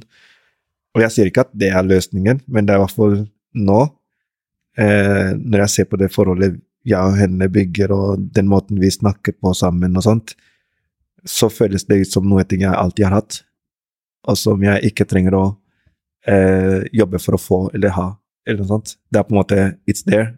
It's mine. I can fully eh, express everything about it, på en måte. Og det vet jeg med eksempel søstrene mine. De er jo en gjeng, men vi har De er helt ulike, og vi har individuelle forhold til hverandre, hele gjengen. Eh, og det er helt umulig å på en måte lese rommet når vi er sammen, for det er sånn Dere er så like, men det er ingen likheter, nesten, på en måte. Um, og det samme med kompisene mine. At det er sånn Shit, dere er så like, uh, men veldig ulike. uh, og med meg og deg At uh, dem Dere er helt ulike historisk, alt dette her, men så like. Og jeg tror det er den derre grunnverdien, da. De tinga du inni deg bare kjenner at 'dette er meg uansett hva'. Når det er deg også, uansett hva, så er det lettere for oss to å møte hverandre. For da vet vi også mye lettere hvordan vi skal håndtere ting når vi tar stega sammen. Men hvis jeg må starte å forklare deg mine grunnverdier, og du må starte å forklare meg dine grunnverdier, så har vi allerede mista en god del eh, relasjonelle ting som vi kunne bygd på. da. Eh, og det er der jeg tror eh, mange må være litt forsiktige når de velger vennskap og partnerskap. partnerskap da. Det er å ikke ha disse her, eh, forventningene om fyrverkerier og dater og måten man skal kommunisere på, men heller å være klar over sine egne grunnverdier, prøve å oppdage det hos den andre personen og bygge på det, på en måte. Eh, for da kan det faktisk bli noe. Ja, eller bare finne en flyvertinne som da har et liv som er en, et eventyr. Akkurat. Så kan du være med på eventyret. Fly rundt overalt. det, det, det som er kult med at hun har flyvertinne og flyr rundt i hele verden, er at vi er tvunget nå til å sitte og ha samtaler. At det ikke er liksom Jeg møter deg fysisk hver gang, og vi kan bare woo! Ja. Men det blir utrolig mange dager uten hverandre, men vi snakker hver dag. Mer enn én en time. Ja. Mm. Og det finnes, som du sier, eh, ikke noe fasit, som du åpna det med, da. Mm. At vi har ingen fasit på det her. Det, vi har jo helt, vært helt håpløse. det er ikke noe fasit. Ja. Men som du sier, eh, når jeg trenger ting som jeg kanskje nesten ikke forstår selv, så ser hun det. Mm. Jeg tror liksom ikke det heller er uh, tilfeldig. Det er jo fordi også at dere har vært, som du har fortalt meg, da, sårbare med hverandre. Mm. Og på en eller annen måte i hvert fall turt å være det. Fått mm. den tilliten til at jeg kan være meg selv. Jeg kan si at vet du hva, jeg har PTSD. Mm. Det påvirker meg på den måten her. Eh, og når dere da også forstår mer om den andre, så ja. er det jo enklere å se også at nå trenger Samuel space, mm. eller nå trenger han trøst, eller nå trenger han et spark i ræva, eller nå ikke sant, Fordi dere har valgt å være sårbare med hverandre. Det er jo sånn det er med gode kompiser, ja. Som du ikke har sett på dritlenge, og så når du møtes, så er alt som før. Mm. Eh, det er som du sier, de relasjonene vil alltid være der. Ja. Og man forstår når den andre trenger noe, eller ikke trenger noe. Eh, jeg tror det er en, en nøkkel. Det med å tørre å være sårbar, tørre å være deg sjøl. Det er jo veldig mye lettere sagt enn gjort, da. det er det. I hvert fall hvis man har opplevd det som med deg og så mange andre. Å få mm. hjertet knust, eller Det er vanskelig å gå inn i det igjen, da. Mm. Eh, men det er fascinerende med relasjoner. Veldig. Og det er så Forventninger er jo en nøkkel, som du var inne på der, at ja. man ikke har de helt syke forventningene til den andre. Mm. Fordi da vil du mest sannsynlig Du vil jo bli skuffa på en eller annen måte, nesten uansett. Ja. Du maler jo et bilde, mm. og så kommer hun med sin bilde, og så er det sånn Oi, det var ikke match. Eh, hva skjedde her? Istedenfor at dere sitter på samme lerretet, da. Og på en måte Kan jeg bruke den fargen her? Ja, mm. kanskje der borte. Eh, det er det relasjoner er, da. Litt som hvis jeg skulle vært din venn, og så hadde jeg allerede valgt alle tinga som skulle skje i vårt vennskap, så hadde det vært et vanlig vennskap å leve opp til, eller å i det hele tatt mestre. Mm. Men eh, utgangspunktet når vi møtes og skal ha en to timers samtale, så blir det plutselig fem timer. Mm. Fordi ingen av oss kommer i den her og forventer at vi skal snakke om dette her. Det er bare sånn Wow, nå har tida gått litt fra oss. Ja. Ja. Eh, Ja, det med forventninger er spesielt, uh, mm, og gjelder mange. Ja. Det er som du sier, jeg tror man nå har et forventning eller et bilde på grunn av hva man har blitt fortalt, hva man har sett, filmer man har sett, whatever, i Mm. oppvekst på at dette er det kjærlighet er. ja. Det er at du bare wow når du møter Wow, personen, og det er alt sånn. Sommerfugler i magen. Ja, ja, og man har et bilde av hvordan det skal være. Mm, Og jo eldre jeg blir, jo flere på en måte forhold og relasjoner man har vært i, jo mer ser man at det er ikke sånn. mm, Uh, og jeg har også lært at det fins veldig, veldig mange bra forhold som er givende, som er veldig bra for deg, som ikke nødvendigvis trenger å være et kjærlighetsforhold. men riktig. Som du sier, det er en god kompis, eller en god venninne, Mm. eller en eh, kollega, eller familie, selvfølgelig, Ja. som òg er veldig sunne relasjoner å ha. Mm, Det må ikke på død og liv være at du jakter etter den ene du skal gjøre alt med. Jeg tror det er mye av feil nå, ja, det, det blir mye press på én person, da. Ja, ja. Tenk deg det. Du sitter og Dette må være den rette. rette. Alt dette er deg! Ja. Å så nei, du sjekka ikke på den boksen, greit. Mm, ja, det er bra. Jeg skal finne en som gjør det. Ja. Det, det funker ikke sånn. Ja. Man, må, man må klare å skille på rollene du gir til folk i livet ditt, da, tror jeg. Kanskje Mm. det er det mange sliter med, at eh, når de finner seg en livspartner, så tar de det veldig bokstavelig tatt. Da er det hele livet, alt sammen, på deg.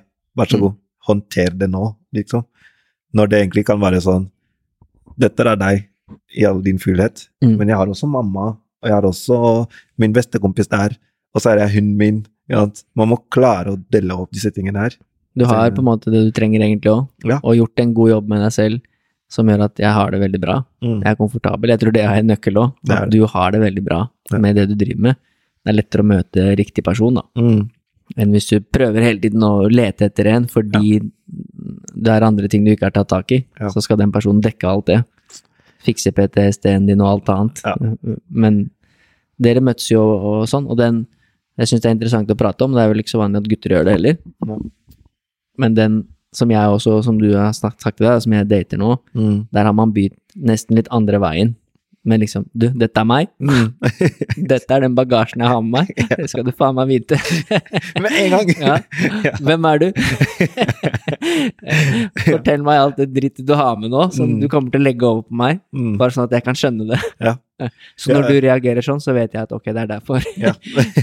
ja, men tenk deg Så hvor mye det gjør, det. da. Det har det er, man får gjenstår å se om det er, riktig, det også, men det er en veldig mye bedre start, øh, syns jeg nå, da, enn det har vært før. Ja. Enn at man bare ja, skal gå og spise på den dritfine restauranten der, vi skal gjøre det. Sier ikke at man ikke skal gjøre det, men Mm. Og så finner vi ut om tre år at shit, What? er det sånn? Er du sånn? Er dette viktig for deg, liksom? Ja, men jeg husker du, du snakka med meg om dette her, om det å være stormforelska og alt det du har opplevd også, i dine forhold. Mm. Og vi begge to var jo på en måte på samme sted, hvor vi på en måte har prøvd litt forskjellige metoder. Og det hittil har føltes som at eh, det ikke helt har vært det rette. Men nå som vi prøver å på en måte reversere det litt, da, gå litt fra andre sida, så har vi mye mer fred med det valget begge to. Mm. Og at det ikke er så mye forventninger, som du sier. Ja. At det ikke er sånn jeg forventer at dette skal bli den jeg skal dele livet mitt med, Ja. men heller at dette er en interessant person som Mm. jeg ønsker å finne ut mer om, Ja. og kanskje gjøre litt ting med. Reise litt, whatever, hva det måtte være. Mm. Og så finne det ut på en litt mer naturlig måte, så godt det er mulig i 2023, da. Ja. Og det er jo, det er jo sånn derre Kanskje det som eh, noen ganger kan virke skummelt for oss også, fordi nå har vi lagt alt på bordet. Mm. Og så er det sånn, ja ja, la oss Let's walk, let's go. Ja, ja. Eh, men det er også fint. Det er som når du bygger team også. Det er vanskelig å bygge team hvis du ikke vet hvor svakhetene er. Og du bare fokuserer på at du er rask og sterk, og du er rask og sterk, og da skal dere være foran. Og så går det til helvete, og du bare tenker hva skjer, er ikke dere raske og sterke? Ja. Mm. Litt sånn ser jeg på et forhold også, dere skal bygge noe sammen.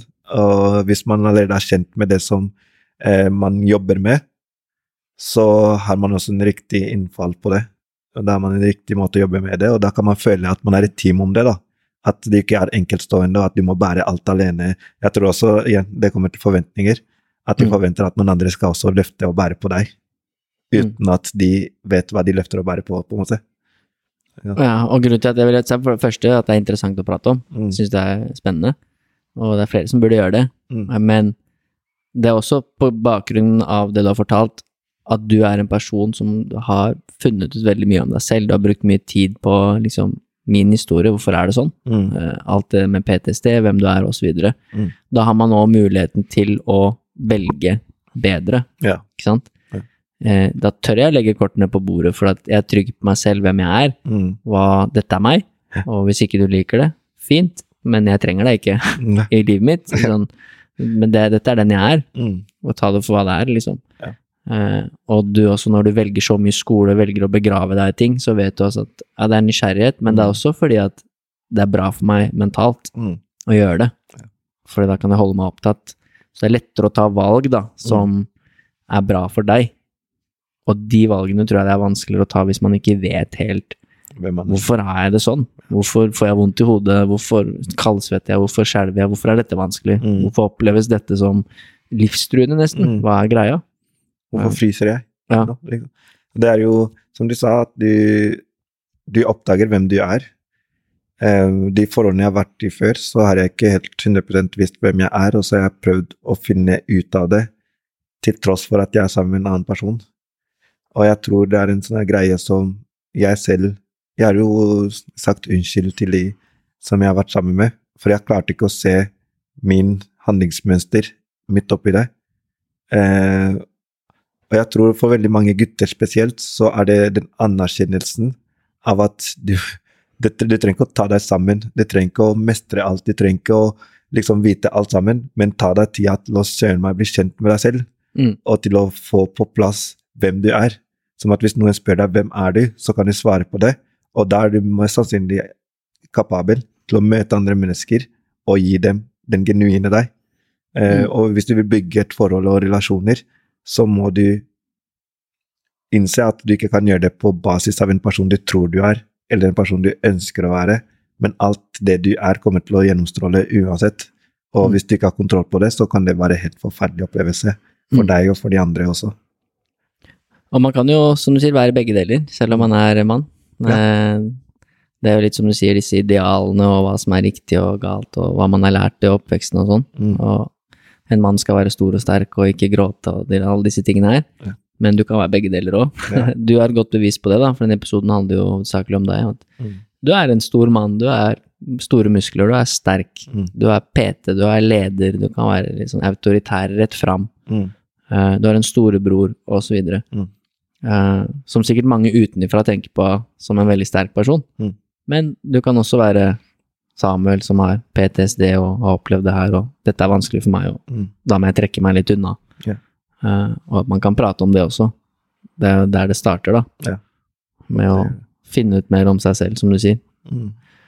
Det er jo Mennesket er jo et kjempenyansert vesen, så uh, igjen Hvis man, er, man tør å utforske seg selv og bli kjent med seg selv, så oppdager man at man er myke, man kan savne, man kan gråte, man kan være eh, ømme mm, Altså, alle de tinga er en del av deg som et menneske, som en person. Men det betyr ikke at du ikke er sterk, ikke er kapabel, ikke er produktiv og alt dette her. Det betyr bare at du er også de andre tingene Mm. som du trenger å være. Du må være det for at det skal fungere, og for at du skal i det hele tatt overleve. Eh, altså, jeg leser mye på statistikk og data og helse og alt dette her, og det er skummelt hvordan menn har det for tida, Mm. spesielt av alt dette eh, macho-opplegget som foregår.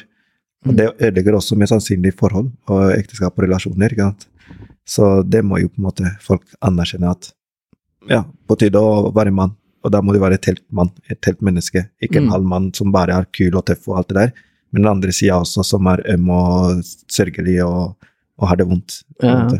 Begge deler. Begge deler. At det er rom for det også, som du sier, som vi har snakket mye om, at du er, en mann trenger også å være produktiv og løse oppgaver, og liksom, hvis det er et problem, så ok, nå finner vi en løsning. Mm. Det er litt sånn vi er skapt som natur, Ja. og så trenger vi å bli møtt på det òg, av den du eventuelt velger å dele livet ditt med, Mm. og bli anerkjent for det, og at det blir satt pris på at du har fiksa det. Mm. Eh, Men det er begge veier, da. Ja. Man kan gjøre begge deler.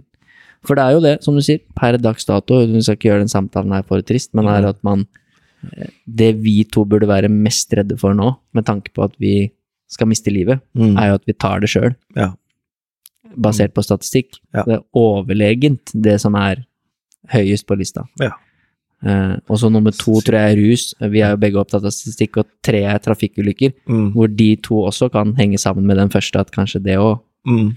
egentlig er grunnen. er bidragende. Ja. Jeg, jeg husker eh, Jeg sier det alltid til eh, folk at eh, jeg har snakka med en venn som har sittet bak rattet mens jeg snakker med han, og så har han sagt Det hadde ikke gjort meg noe om jeg plutselig møtte på lastebil nå, liksom. Mm.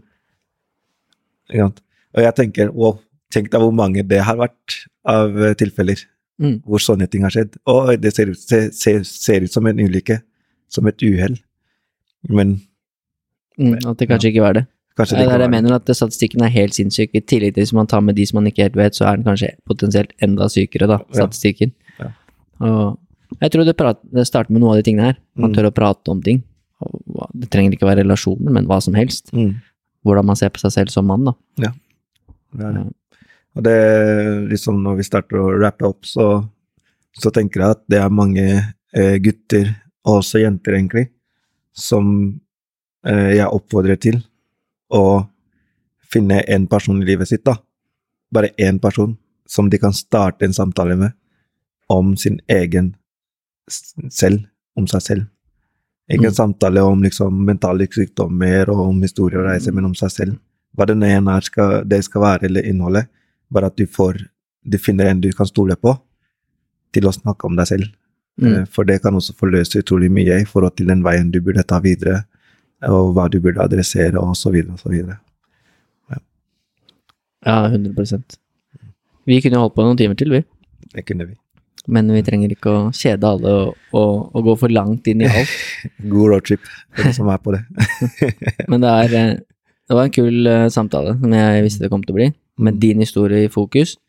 Din reise, som er veldig spesielt, og alt du har opplevd fra å bli født i Burundi til å på en eller annen magisk vis komme til Norge og Trøndelag, opplevd krig Det å komme hit, ny kultur, lære deg et språk, Mm. eh, skrive, lese ting som du ikke kunne, og så være der du er i dag, da, 28 år gammel.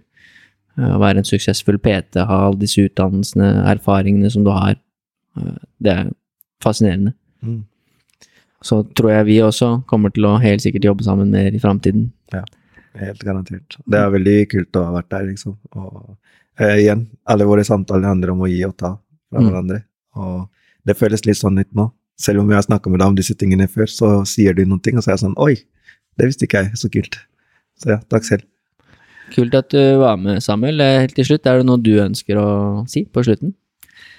Eh, egentlig ikke. Jeg tror vi har vært gjennom eh, mye, og hvis jeg sier noe mer, så blir det bare enda lengre. ja. Og da rapper vi opp på den måten, da. ja. Uh, Så takk for at du var med som gjest. Det var, var kult. mm, takk for at du ville ha meg. Tusen takk for at du har satt av tid til å lytte. Det setter jeg stor pris på, og jeg håper at du sitter igjen med noe verdifullt. Hvis du ønsker mer inspirasjon til trening og helse, følg meg, coach Elo, på Instagram.